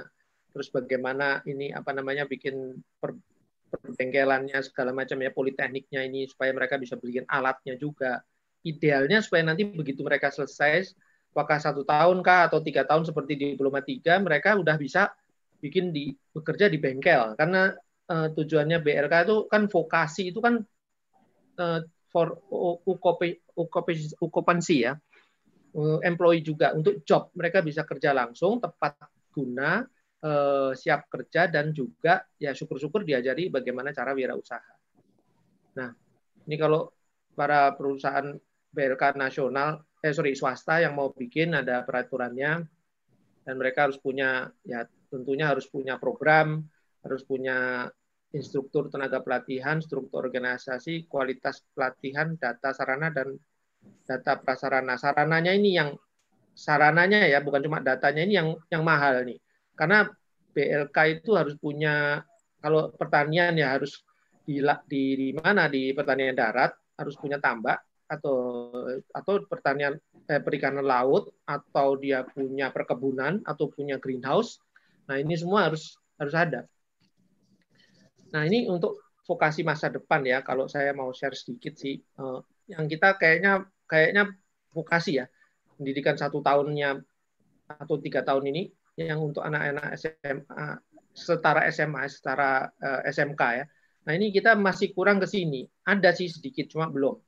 Informasi teknologi, softwarenya, programming, coding, operating, hardwarenya, bagaimana meng mengutak ya, hardwarenya. Ya, game juga kan. Iya, bikin game betul. Kita bikin sebetulnya bisa distance jarak jauh, enggak, enggak perlu. Nah, kalau di... kalau yang bikin hmm. film, saya rasa untuk teorinya bisa editing ya. Tapi kalau syutingnya kan ya tahu sendiri yang namanya yang jagonya Bollywood kan Mas Arvin tuh. ya, ya, silakan, silakan lanjut. Gak apa-apa. Kita saling promo kan Ya. ya. Terus juga yang jago digital marketing nih, toko online yang bikin siapa? Yang bikin yang bikin ya anak-anak SM sorry sarjana yang mereka user aja gitu. Nah, padahal ini yang kalau kita lihat di mall, di mart ya, Alfa, Indo atau macam-macam mart itu kan mereka anak-anak eh, SMK kah yang kerja yang menangani point of sales itu. Mereka pakai codingnya sudah menggunakan itu. Mereka bisa sebagai user application. Sudah bagus cuma belum sebagai uh, sistemnya, programmingnya belum ya. Nah baru user aja, minimum user. Nah di sini nih yang penting nih, yang kurang nih bu, ya bapak ibu ya, link and match.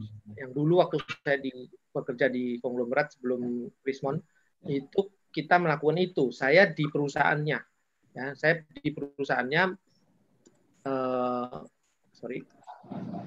Nah saya di perusahaannya yang melakukan link and match. Nah, ini saya hanya bikin komparasi sedikit bagaimana kenapa negara China contohnya yang penduduknya begitu banyak tapi hebat SDM-nya. Kenapa? Karena ini ini bukan kampus ini, ini BLK mereka ini.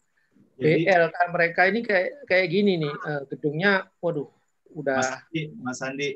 Ya. Jadi universitas terbuka ini yang sebetulnya sudah sampai seluruh pelosok pedalaman Nusantara bisa menjadi hub untuk uh, in, penyambung ke industri juga sebetulnya ya. Harusnya. Nah itu makanya tinggal di, ditambah sama organizernya memang kita harus betul apa harus keluar dari pakem ya artinya harus ada satu satu divisi yang mengeling and match gitu. Jadi divisi yang ada edukasinya tetap nggak apa-apa, tapi UT-nya ini jangan cuma S1 tok. Kalau S1 tok bayangkan gap-nya jauh sekali yang lulusnya SMA ada. Ya, saya rasa D3 sama sertifikasi sertifikasi. Iya. Hmm. Jadi ini dari S1 sih oke okay lah, itu S1 oke okay, dibantu UT yang jauh-jauh ya, itu pun masih susah internet. Tapi kan tapi mungkin cuma 30 persen, 70 persen oke. Okay. Tapi jangan salah, yang bisa ambil itu sarjana itu lanjut ke sarjana itu berapa persen? Mayoritas 60 persen masih SMP. Nah, China membuat ini mereka semua sebagus ini BLK-nya, eh, vokasinya nih, vokasinya. Mereka juga melakukan link and match mereka dengan perusahaan-perusahaan yang udah banyak itu. Jadi mereka magang, dikasih waktu magang nih. Ini anak-anak yang siswanya itu dikerjain, dipekerjakan di situ yang bagus ya ambil, yang enggak ya cari sendiri segala macam. Nah, dan sudah sampai modern pakai komputer segala macam CNC robotics ya karena mereka langsung di perusahaan yang gede. Jadi bayangkan kalau BLK suruh invest ini sendiri kan ini alatnya berapa berapa ratus juta sampai M. Yeah. Nah, terus juga nah ini link and match. Misalnya nih para anak-anak STM nya China dia datang ke pabrik dikasih tahu ini loh gini komponennya ini cara kerja bla bla bla. Anda harus bikin di sini nanti masangnya yang komponen itu di sini. Nah terus diajarinnya secara betul-betul. Karena mereka juga berkepentingan. Kenapa? Karena nanti begitu mereka lulus yang bagus-bagus ditarik itu yang kurang bagus ya apa disuruh UKM lah ya kerja sendiri gitu nah jadi tapi tapi mereka ini menjalin ini nah kalau kita nggak menjalin ini tapi juga Mas Anggi tadi mengatakan company-nya berapa persen ya nah di situ kekurangan kita challenge-nya nanti sebetulnya Mas Andi challenge-nya kan desa ini jumlahnya banyak sekali ya, hampir 8 ya. ribu ya. Ya. ya. Dan dan harapan kita juga uh, universitas terbuka dengan kemampuan apa penetrasinya ke mana-mana. Menjangkau. Ya, menjangkau dan menjadi hub untuk ya. industri ini ya. Ya. Jadi ya diharapkan seperti itu Mas Arvin. Diharapkan seperti ya. itu eh, eh, bahwa kita bisa menjangkau menjangkau industri sorry pendidikan vokasi itu di link di link and match sama perusahaan. Jadi mungkin industri yang uh, dekat dengan desanya mungkin karena sekarang industri kan uh, banyak kebutuhan green apa eh, green economy kembali ke desa ya, karena banyak energi di desa kan energi banyak perkebunan, ya. perkebunan pasti pasti di kebun kan terus ya, perikanan ya. pasti di laut terus uh, garment di itu di daerah-daerah itu bangsanya Jawa Barat industri maju pun saya rasa juga ingin ke desa karena butuh renewable energinya. Betul. Sekarang ya tren dunianya green economy.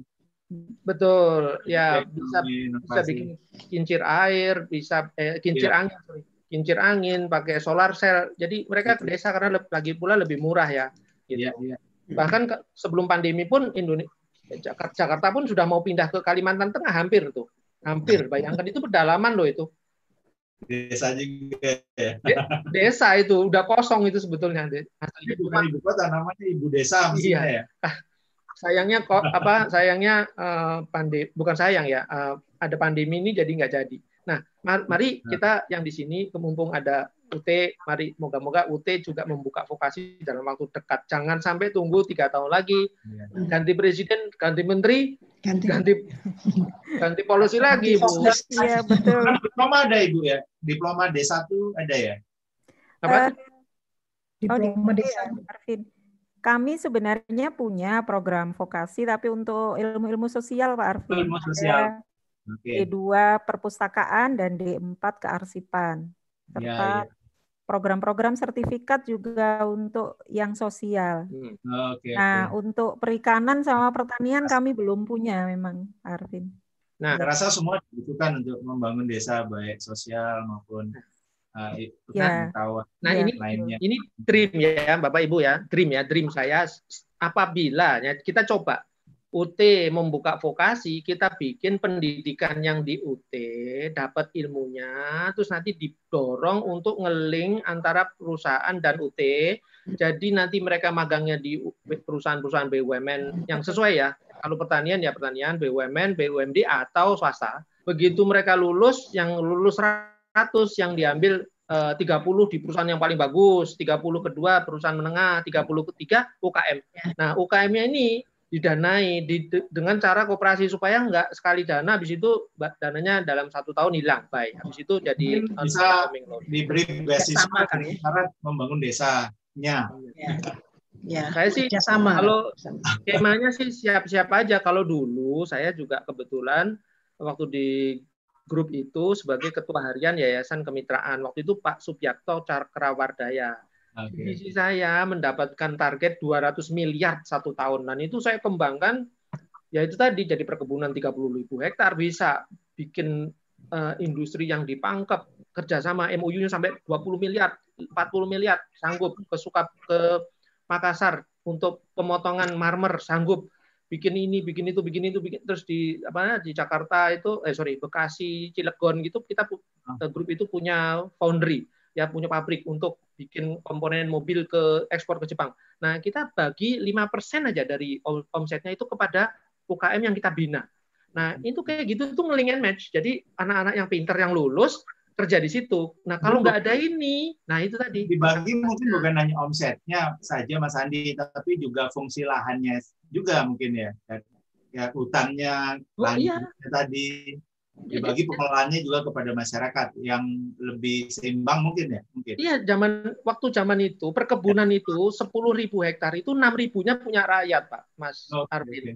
jadi itu sudah punya rakyat jadi sertifikatnya itu dari sertifikatnya rakyat dikumpulkan jadi koperasi koperasinya kan katakanlah 200 nah kalau dua berapa eh, sepuluh ribu hektar dibagi 200 berapa ribu orang itu dibikin berapa ratus koperasi kita kerjasama satu bundel tebel, satu ya. bundel gini. Kita... Semua sudah sama seperti itu ya, semua industri sudah. Apakah masih ada yang belum? Yang yang yang jeli sudah, hmm. yang jeli oh. sudah, dan mereka punya network sama ya bank-bank besar. Jadi duitnya dari pemerintah turun 60 persen didanai pemerintah, BI, BLBI, bank eh, kredit likuiditas. Nah, bayangkan tuh mod, mod, uh, uh, bunganya rendah Eh, si swastanya kami 40%. Dari 40% kita bermitra dengan asing 20% aja.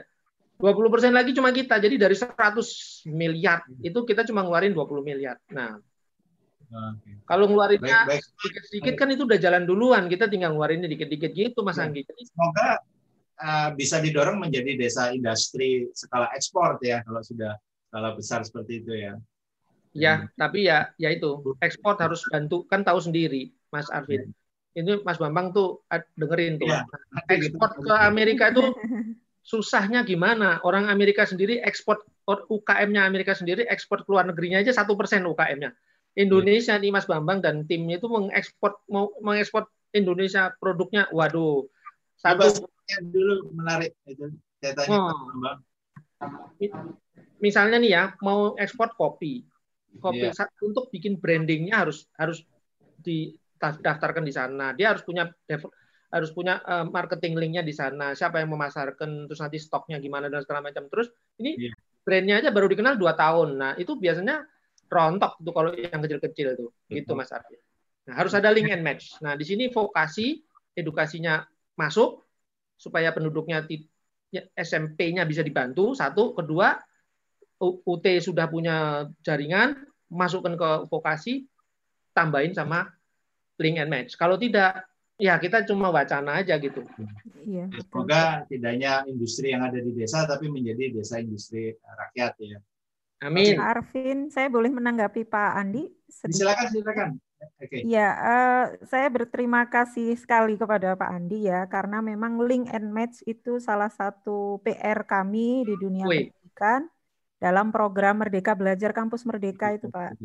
Jadi Yap. memang uh, di program Merdeka Belajar itu salah satunya adalah mahasiswa itu harus dikirim untuk praktek di luar perguruan tingginya gitu ya. Harus ada link and match dengan industri yang sesuai dengan program studinya gitu Pak Andi. Jadi, tidak uh, belajar distance learning ya ini kayak sudah uh, blended learning ya. Belajar ya. di praktek juga ya UT ya. Iya, betul. Kita minta sedikit waktu jawab nih Mas Arvin. Kalau yeah. UT meminta saya untuk mengorganize itu, oh tak kirim itu anak-anaknya saya ajak ke konglomerat Indonesia satu, ke perusahaan-perusahaan di Indonesia dua, ketiga ke luar negeri sekalian. Nah, itu nanti tapi nah jangan-jangan salah uh, Bu Ernik, sebagian dari ya, nggak mau pulang karena gajinya gede. Harus kita iya, iya, iya. kembali membangun uh, desa. Yeah. Oke, okay, saya apa dulu Pak Bambang? Ya, Pak Bambang ya. Uh, dari Nawacita Studi Institute.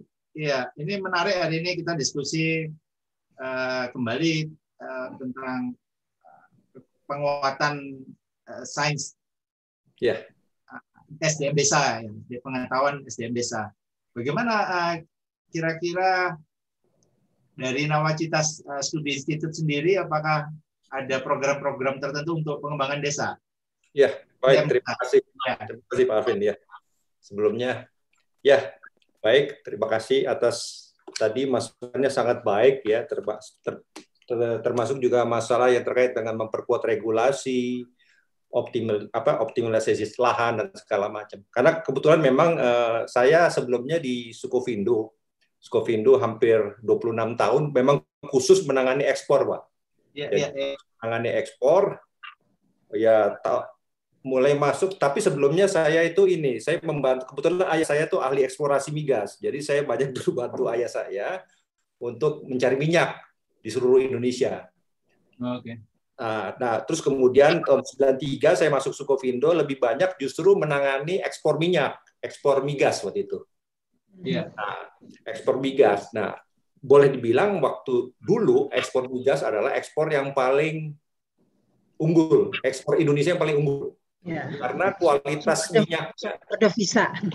Ya, karena kualitas minyaknya Indonesia adalah yang terbaik di dunia. Gitu. Nah, eh, ketika kemudian migasnya turun produksinya, ya, terus kemudian saya eh, pindah ke Kalimantan ke Bontang, saya khusus menangani LNG, pak, hmm. menangani LNG.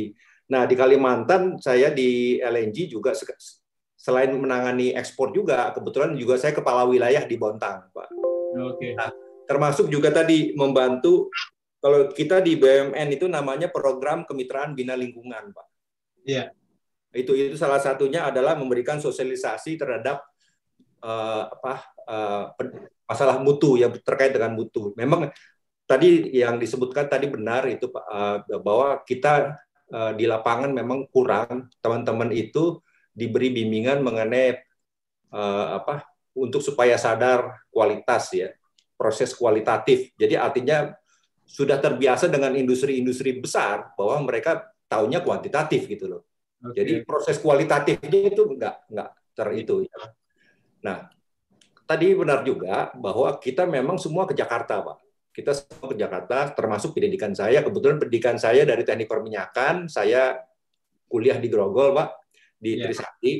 Nah, te te teknik perminyakan atau teknik segala macam teknik yang ada di Indonesia, memang kita ini aplikatif, Pak. Artinya memang aplikatif ya. Padahal eh, sarjana teknik perminyakan itu lebih ke arah studi sebenarnya. Okay. Studi. Ya, dia dia studi sebenarnya. Sarjana teknik itu sebenarnya studi. Jadi uh, kenapa seorang sarjana teknik itu diharapkan justru bisa memberikan scientific knowledge, Pak. Ya. Jadi dia bukan mem membuat suatu keputusan gitu loh terhadap itu. Makanya kemudian di Skopindo saya kembangkan, Pak. Ilmu eksplorasinya itu saya kembangkan di surveinya, Pak. Karena di Skopindo kan ada survei itu. Nah, itulah yeah. yang yang saya kembangkan dengan teman-teman di Skovindo. Saya juga mengajak dari Lemigas, dari LIPI juga untuk bisa mengembangkan ilmu eksplorasi itu. Dan yang sangat menarik ya, di ilmu eksplorasi ini ternyata Indonesia ini sudah pernah dieksplorasi oleh VOC. Oke. Okay. ya, ya, ya. ya, dan bukan hanya minyak saja, Pak, SDA-nya juga semua. Iya ya artinya Belanda itu sudah punya jalur migas, sudah punya jalur rempah-rempah. Nah itulah yang yang yang yang menjadi ketertarikan saya. Kenapa gitu loh? Kenapa sampai eh, nggak bisa kita lanjutkan gitu loh? Apa yang pernah dibangun VOC ini kan? Yeah. kan sebenarnya VOC itu kan usaha juga dia dia dia usaha juga gitu loh. Tapi iya. kemudian kenapa VOC bisa menjadi perusahaan terkaya di dunia gitu kan? Dengan omset yang tinggi. Nah, itulah yang yang yang sedang kita coba bangun sekarang adalah kesadaran masyarakat dulu terhadap uh, potensi-potensi yang ada di wilayahnya. Tapi ternyata memang tidak mudah karena kebanyakan tadi disampaikan masyarakat lokal, mereka lebih senang dengan industri besar yang ada di lokasi situ. Seperti di Kalimantan itu mereka lebih senang ya gabung dengan perusahaan Total, Vaiko, PT Badak, Pupuk Kaltim, Kaltim yeah. Kakol yang memang rata-rata sudah menjanjikan gitu loh dengan gaji besar itu. Nah, sementara usaha-usaha mereka seperti ada perikanan, ada lada segala macam itu ya terpaksa ditinggalkan, Pak. Terlantarkan dan akhirnya diambil oleh orang asing seperti itu. Iya. Nah, itulah yang yang yang yang menjadi ketertarikan saya eh, saya gabung di Nawacita Studi Institute ini adalah adanya challenge dari para diaspora, Pak. Okay. Diaspora jadi perantauan-perantauan kita yang tinggal di luar negeri mereka iya. bahkan menantang kita. Bisa nggak kita menjadi importir produk-produk Indonesia, dia bilang gitu. Oke, oke. Bisa nggak menjadi importir iya. produk? Oke, saya bilang gitu. Kebetulan juga keponakan saya kan tinggal di Amerika, Pak. Bilang, bisa nggak, Om? Saya jadi importir produk-produk Indonesia. Ya kan? Karena begini, hampir 90 per, di diaspora di Amerika saja itu apa perantauan Indonesia yang tinggal di Amerika itu jumlahnya sekitar 142 ribu. Pak. 142 ribu penduduk Indonesia yang tinggal di Amerika. Memang kebanyakan ibu-ibu, artinya ibu-ibu yang suaminya orang asing ya, orang Amerika asli, sehingga mereka punya lahan di Amerika dan di situ mereka bisa uh, apa membangun usaha. Nah, okay. Di situ yang yang mereka cari bisa nggak? Nah, di sinilah uh, kita dari Nawacita Studi Institute juga ingin mengajak para pemilik lahan tadi tadi disebutkan Ibu Nurmala salah satunya adalah tidak optimalnya lahan terhadap ya tidak optimalnya lahan-lahan yang ada di Indonesia lahan-lahan produktif itu. Nah itulah yang yang sekarang kita ajak kerjasama kolaborasi. Ayo kita kolaborasi artinya karena daripada mereka stay di Amerika terus sampai nah saya memilih Amerika karena memang Amerika mereka memiliki standar yang lebih bagus lah ya daripada negara-negara lainnya lah standar internasional paling tinggi lah dibanding negara lainnya. Hanya untuk itu saja, untuk standarisasi. Nah, seperti itu. Nah, ternyata mereka berminat. Nah, ini inilah yang sedang kita sekarang uh, sedang kita galakan bagaimana supaya para perantauan Indonesia ini ya minimal mereka bisa kembali ke Indonesia dan punya nasional paling tinggi dibanding negara lain. Punya sesuatu yang bisa mereka uh, kelola bersama seperti itu. Nah, itu yang yang yang kita lakukan ini. Nah, sebenarnya hal seperti ini sudah dilakukan oleh negara ASEAN lainnya. Mereka sama seperti Vietnam. Mereka juga sama. Mereka mempergunakan uh, diasporanya di Amerika untuk mengelola barang modal. Jadi ketika barang modal itu tidak bisa dikelola di negaranya, sulit, misalkan regulasi, masalah lahan, segala macam. Mereka bawa ke Amerika, mereka kelola di Amerika, terus baru mereka balik ya. ke sini. Seperti itu. Sebetulnya Pak Bambang, eh, itu ide yang menarik. Jadi eh, memberdayakan komunitas diaspora ya. Indonesia di dunia. Saya, saya uh, waktu itu pernah melihat ada uh, pengrajin desa, dia buat uh, tas laptop ya, ukuran laptop. Uh, kemudian uh, uh, dijual ke Amerika lewat Amazon. Walaupun hmm. satu, dua, sepuluh unit itu kan sudah ekspor sebetulnya ya. Ekspor skala UKM. Ya, tapi kan Amazonnya ini kan uh, e-commerce Amerika. Ya, yeah. mengapa tidak uh, dibuat e-commerce-nya diaspora dengan produk-produk kreatif desa ada di sana? Hmm. Yang paling tidak kan e-commerce-nya tidak ke mana-mana, menjadi tuan rumah lah kita, walaupun di operate di Amerika. Tetapi yeah. produknya juga produk-produk kreatif desa. Mungkin bisa diusulkan seperti itu, Pak Bambang. Betul, ya. betul. Ya. ya. Ya, sebenarnya minimal mereka bisa kita bawa pulang ke Indonesia. Bawa pulang ke Indonesia, ya. ya. Rasa memang harus ada uh, sinergisitas ya. ya. Sinergisitas. Menarik, menarik. Nanti kita kembali lagi ya. Ya, oke. Okay. Ya. terima kasih, terima kasih, bagus. Uh, terima kasih. Ya, saya ingin menyapa Mas Anggi dulu dari LIPI. Ya. Mas Anggi, uh, tadi uh, diskusi cukup menarik. Uh, saya melihat adanya mungkin adanya shifting ya dari SDM desa. Kalau tadi sebelumnya struktur mata pencarian di kota kan jelas ya, industri, dagang, jasa. Kemudian ya kalau desa uh, memang kita uh, sampaikan ada pertanian, perikanan, hutan, ya tapi kan uh, pertanian panen tidak seterusnya dua tiga kali aja setahun ya. Nah dengan adanya uh, ekosistem broadband yang semakin luas sampai desa ya dan teknologi juga semakin ada yang sudah mulai masuk desa artinya kan mulai shifting ini ada pendapat uh, struktur mata pencarian desa ini juga ada uh, e-commerce ya e-commerce produk kreatif tadi mungkin kirim ke Amerika dan sebagainya. Nah kira-kira bagaimana uh, potensi uh, shifting struktur mata pencarian di desa ini bisa kita kembali uh, ke topik kita maksimalkan dengan uh, lokasi yang betul-betul uh, terintegrasi tadi mungkin Mas Andi sampaikan terintegrasi ada hub ya. besarnya ya kira-kira seperti apa pandangan Mas Anggi? Iya memang uh, teknologi sebetulnya menjadi daya picu ya mendongkrak lah gitu misalnya kan ada ya. ruang uh, pertukaran informasi yang lebih cepat uh, bagi masyarakat ya untuk mengetahui informasi dan iya. uh, di banyak tempat di Indonesia itu sudah sudah terbukti sih sebetulnya dengan adanya teknologi. Jadi ruang belajarnya kemudian tidak terpatok pada yang vokasi formal ya.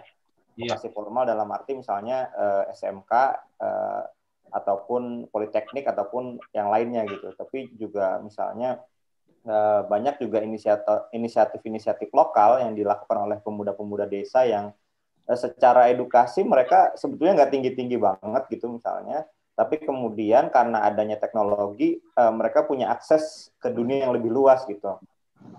Ini yang dalam skala kecil aja misalnya, uh, saudara saya itu di Pangandaran, uh, dia punya dia biasa menerima pesanan desain itu dari Filipina dan dari uh, dari negara-negara di Asia gitu. Okay. Jadi uh, kayak desain mobil gitu, misalnya kayak apa ya, kayak desain mobil, kemudian desain untuk motor dan lain-lain gitu.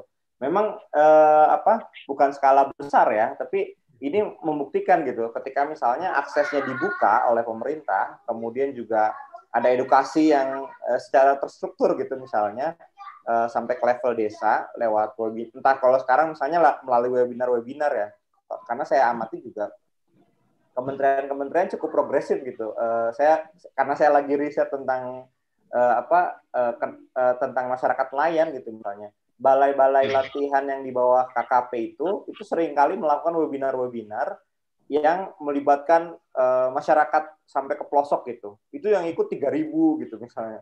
Ya okay. memang tidak menjangkau semua kemudian gitu. Dan hmm. kemudian alat praktiknya memang yang memang bisa dimiliki oleh orang-orang di pesisir gitu misalnya cara membuat makanan apa gitu misalnya, kemudian uh, cara membuat kemasan gitu misalnya. Mungkin hal-hal seperti itu hal-hal yang sederhana gitu. Dan uh, tetapi memang buat masyarakat desa kemudian mereka kemudian punya imajinasi lain tentang uh, pekerjaan ya di, di, di samping sektor-sektor yang mengandalkan alam misalnya. Yeah. Dan kemudian kalau dari uh, apa yang disampaikan Pak Andi dan Pak Bambang kemudian uh, pemerintah sebagai regulator ini harus menyediakan strukturnya gitu jadi nanti kalau mau ngejual ke mana gitu, misalnya kayak tadi misalnya ekspor gitu. Iya. Yeah. Oh ternyata kan nggak mudah gitu. Eh, untuk korporasi besar saja itu bukan perkara mudah, apalagi untuk yang level-level UMKM. Misalnya kalau nunggu merek aja dua tahun misalnya, kalau nggak punya ketangguhan logistik misalnya, bubar gitu. Nggak punya idealisme, nggak punya logistik ya tambah bubar lagi gitu misalnya. Jadi itu uh, pemerintah perannya di aspek struktural gitu. Misalnya kalau yang tadi ditampilkan juga oleh Pak Andi ya, uh, dirjen vokasi kita udah punya dirjen level untuk vokasi di kementeriannya. Itu kan sebetulnya kita udah tunggu lama ya karena masa mengatur vokasi diatur oleh eselon 2 gitu. Mau nyuruh menteri aja canggung gitu kan. Nah, ini sekarang dipegang oleh dirjen meskipun uh, mau nyuruh gubernur dan lainnya masih canggung juga sebetulnya, tapi relatif udah oke okay lah gitu misalnya. Tapi kalau bicara desain yang utuh gitu, kita tuh masing-masing kementerian punya patok-patok sendiri gitu kan Yeah. Misalnya gini, di Kementerian Pendidikan dan Kebudayaan kita punya lembaga kursus dan pelatihan. Yeah. Di Kementerian Ketenagakerjaan kita punya balai latihan kerja. Uh, kemudian di KKP kita punya sendiri itu balai penyuluhan dan apa gitu. Nah, jadi iya, iya. masing-masing kementerian punya apa ya anggaran khusus untuk uh, yang 20% itu termasuk dari dana pendidikan ya APBN pendidikan gitu. Nah, makanya ketika bicara satu ekosistem yang menyeluruh gitu misalnya ketika Pak Dirjen Pak Wikan itu bilang kita harus menikahkan antara vokasi dengan dunia industri misalnya.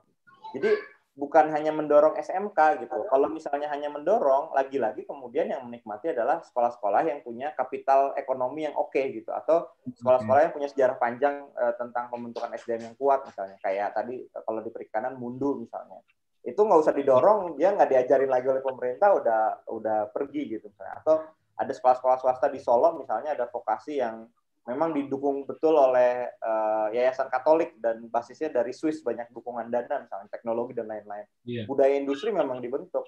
Nah, bagaimana dengan sekolah-sekolah yang di desa yang mau cari tempat magang buat siswanya aja itu sudah susah gitu misalnya. Nah, peran pemerintah da pemerintah pusat, pemerintah daerah karena SMK misalnya di level pemerintah provinsi ya misalnya adalah memberi ruang untuk terjadinya pernikahan itu gitu jangan sampai jadi pernikahan paksa gitu Okay.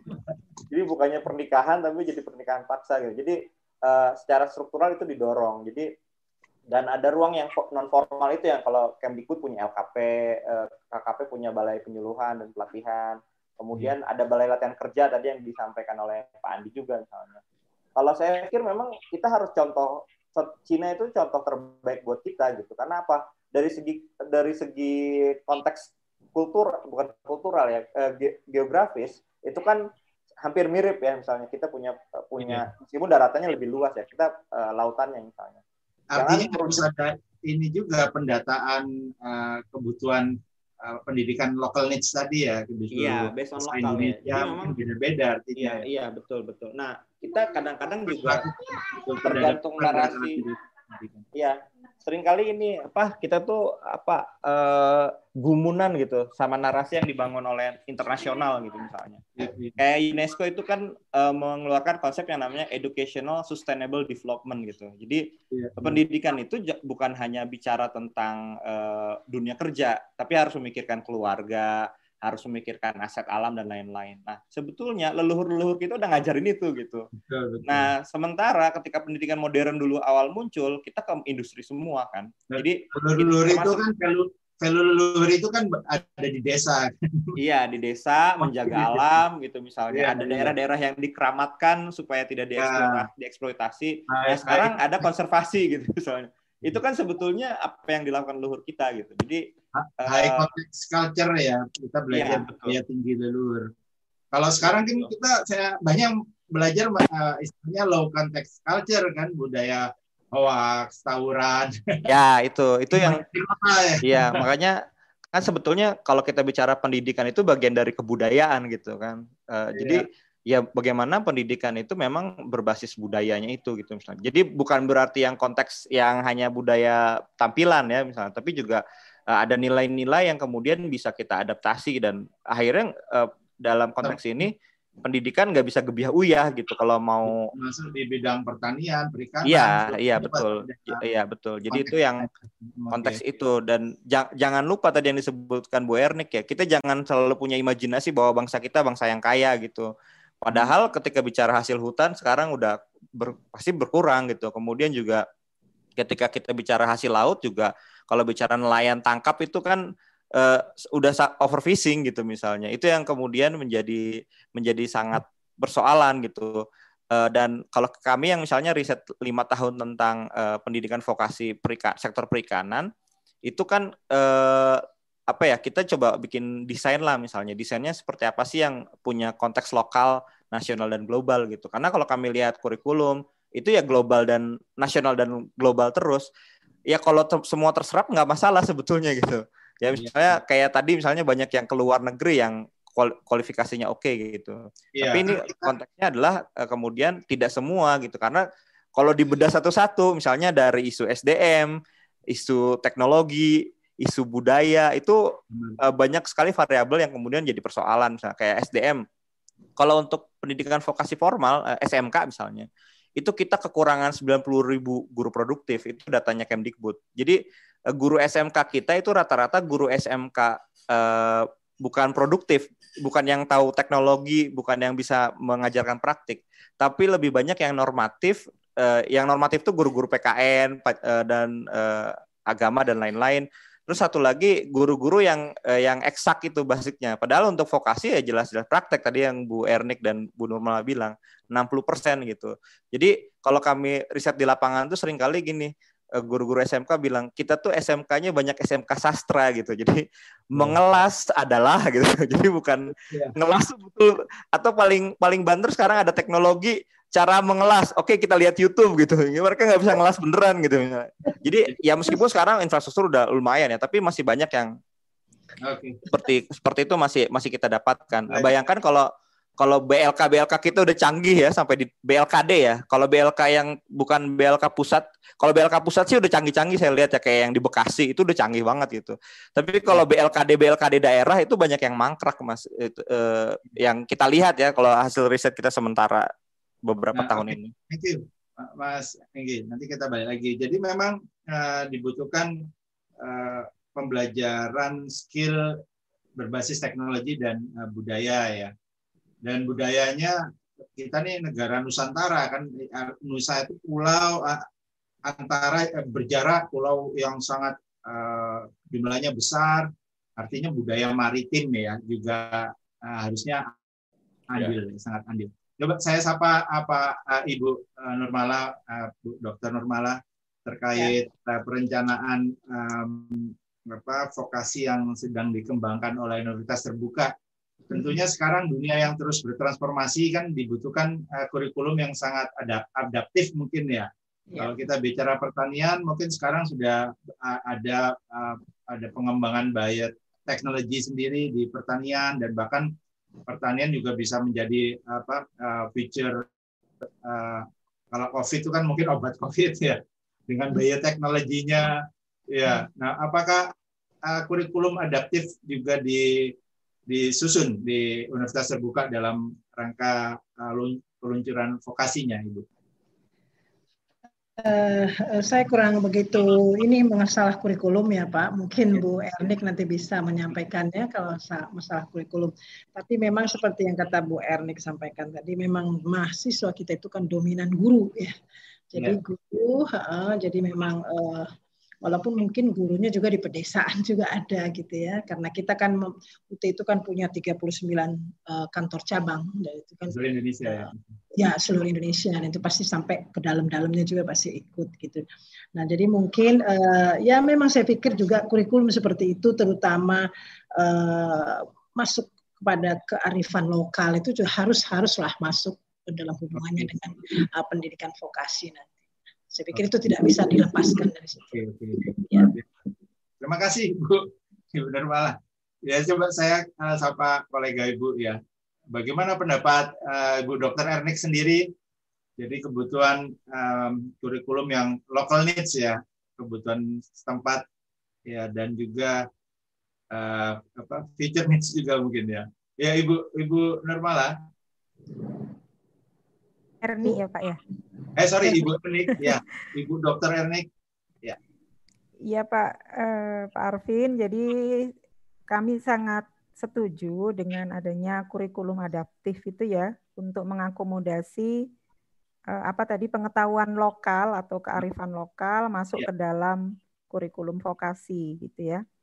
Eh, Pak Wakil Rektor Bidang Akademik memang sedang apa Pak sedang menggodok itu kurikulum baru ini ya yang yeah. disesuaikan dengan Merdeka Belajar dan Kampus Merdeka baik untuk yang vokasi ataupun yang sarjana itu eh, kami memang apa ya bercita-cita memasukkan muatan lokal itu ke dalam eh, kurikulum kami gitu.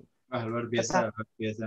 Iya, tetapi memang eh, ada kendalanya kalau di sistem PJJ ini pergantian kurikulum atau adaptasi kurikulum itu tidak bisa secepat yang di perguruan tinggi tatap muka gitu Pak Arvin. Jadi kami itu lima tahun sekali itu baru bisa uh, mengadakan reanalisis kurikulum dan kemudian uh, mengakomodasi perubahan-perubahan yang ada gitu ya.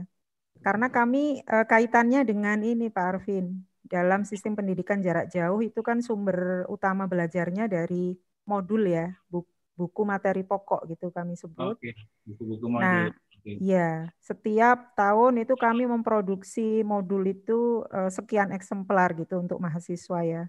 Jadi kalau berganti kurikulum, berganti mata kuliah, nah ini modul-modul yang sudah dicetak ini acap kali tidak terpakai gitu Pak Arvin. Jadi kendalanya di situ. Oleh karena itu kebijakan Pak WR1 itu selama lima tahun kita eh, reanalisis kurikulum dan eh, di situlah kami bisa memasukkan eh, apa ya perkembangan iptek yang baru itu ke dalam kurikulum kami gitu ya termasuk tadi pengetahuan lokal atau kearifan lokal itu. Wah. Demikian Pak Arvin. Oke, Bu Ernik, luar biasa ini keberanian universitas terbuka untuk uh, meninggalkan sistem pendidikan yang yang ya mungkin tidak mampu lagi untuk bersaing dengan SDM global ya. Jadi harus berani melakukan terobosan-terobosan itu. Ya, uh, luar biasa. Terima kasih. Nah, saya kembali lagi ke uh, Mas Andi. Mas Andi. Ya. Ya.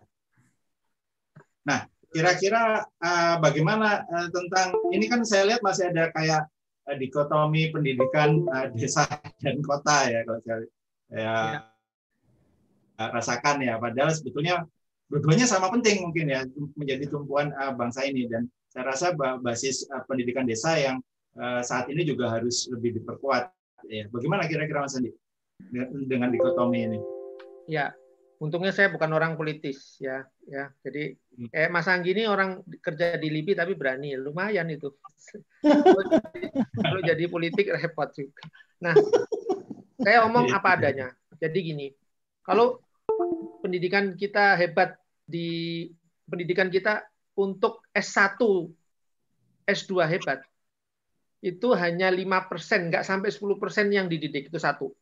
Padahal kalau okay. ya mungkin Mas Anggi sudah cek berdasarkan QS uh, eh, ranking Indonesia University-nya itu maaf rankingnya adalah paling tinggi UGM yang setahun ini. Itu rankingnya 296 UI 300 ITB 301 lah something like that. Jadi di atas 300. Bayangkan itu itu 5% loh.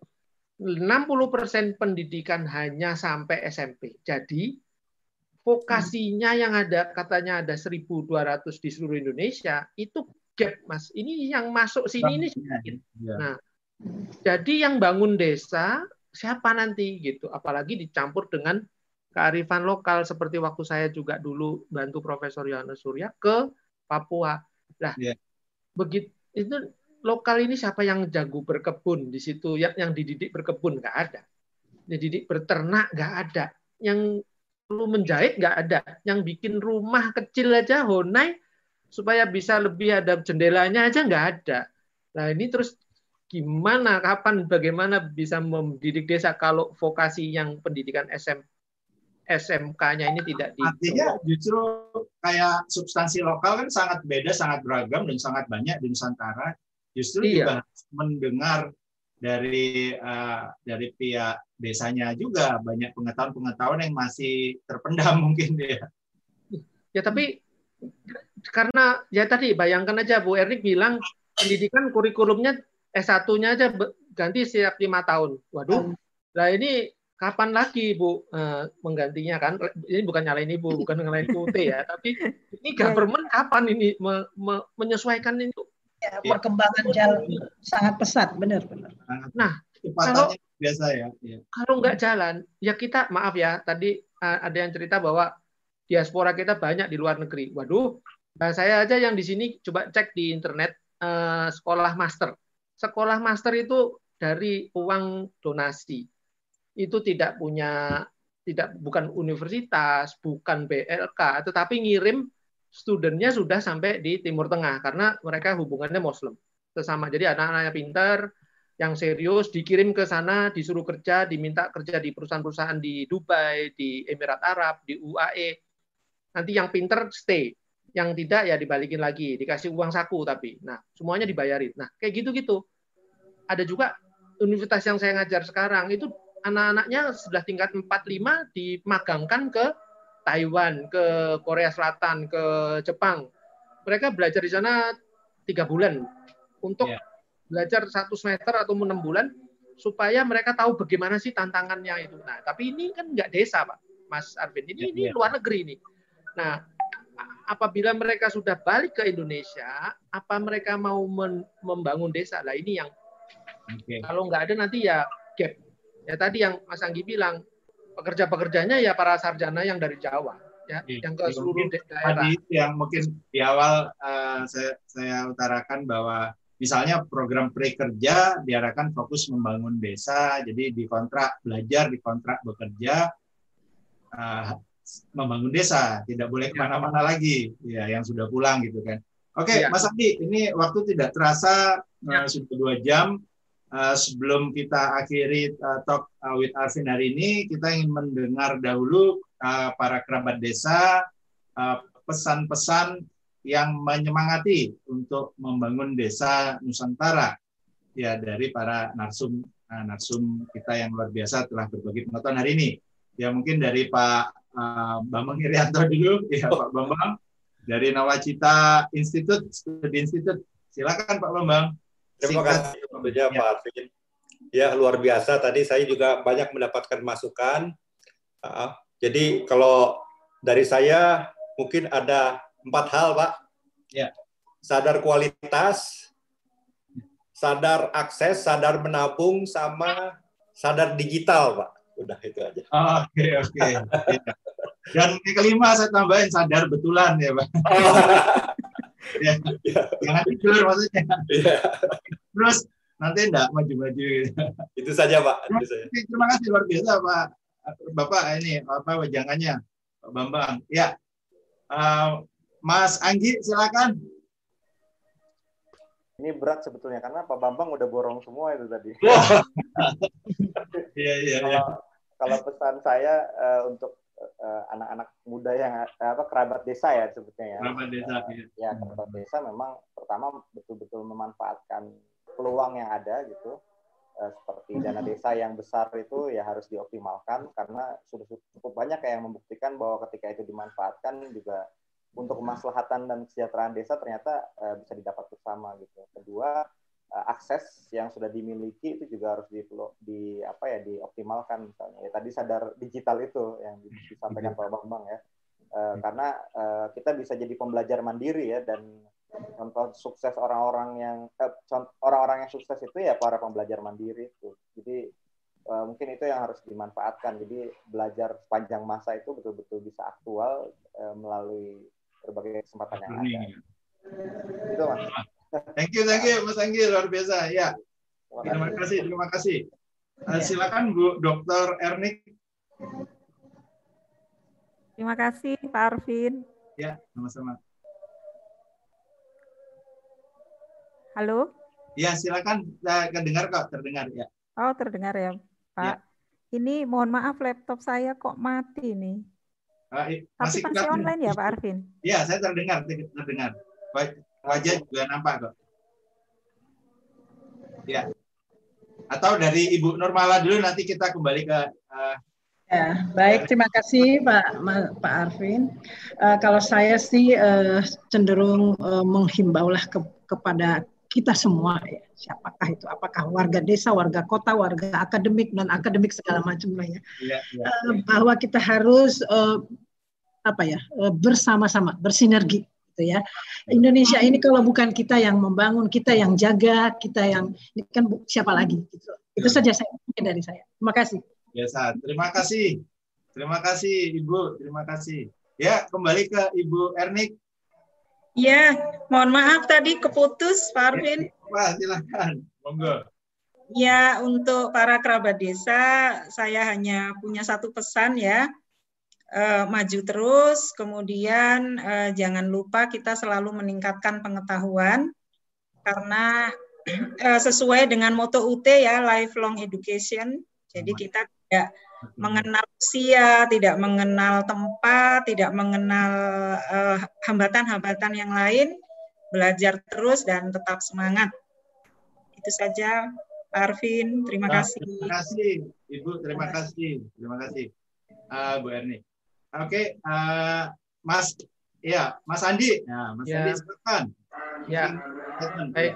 Ya, semoga kita bisa bersinergi untuk membangun Indonesia karena SDM kita yang secara demografik ini uh, menjadi potensial, itu semoga potensialnya potensialnya menjadi positif karena kalau tidak nanti tidak bisa dapat kerjaan bagus, mereka justru menjadi beban. Nah itu untuk mendidik mereka itu memang tugasnya luar biasa ini. Tanpa terobosan-terobosan, apalagi sampai lima tahun bikin kurikulum gitu, aduh nggak akan nggak akan ngejar ya, nggak akan kekejar kita kesaing sama Vietnam, kesaing sama negara-negara lain nanti akan datang ke Indonesia untuk bekerja. Nah itu bukan orang Jawa lagi, Mas Anggi, tapi orang dari ASEAN yang kerja di sini gitu ya, gitu. Demikian Mas Arvin. Jadi semoga itu nggak pernah terjadi dan kita malah justru dibutuhkan di luar negeri. Amin. Amin. Amin. Terima kasih Mas Andi luar biasa. Terima kasih. Uh, kerabat desa yang budiman tidak terasa uh, waktu tayang sudah habis. Ya, tidak terasa karena baru dunia akan dimulai tidak lama lagi dibutuhkan uh, terobosan dan inovasi untuk transformasi global. Tanpa terobosan dan inovasi, hanya transformasi semu atau kembali ke masa lalu bahkan di bawahnya. Hari ini hadir narsum-narsum yang sangat mengencourage, menggugah kita semua eh, berbagi pengetahuan luar biasa. Terima kasih untuk eh, kehadiran para narsum-narsum hari ini. Kita harapkan seluruh narsum hari ini bisa ke depan atau sudah menjadi lokomotif pembaruan pendidikan negeri ini di negeri ini. Amin. Amin. Amin. Talk with Arvin bukanlah hanya sekedar acara tayang TV adu ilmu para narsum yang berujung berpotensi menjadi perpecahan masyarakat meskipun berating tinggi. Namun Talk with Arvin adalah sebuah acara tayang TV yang merangkai ilmu para tokoh narsum-narsum hebat di negeri ini menjadi solusi dan berbagi pengetahuan bijak bagi yang menontonnya abadi sampai tayang kapan pun terus bermanfaat bagi masyarakat. Merajut pengetahuan dan budaya bangsa. Sampai jumpa di Talk with Arvin minggu depan. Terima kasih. Matur Suksma. Wassalamualaikum warahmatullahi wabarakatuh. Waalaikumsalam. Om Santi Santi Santi Om. Salam sejahtera, salam salam kebajikan, namo budaya.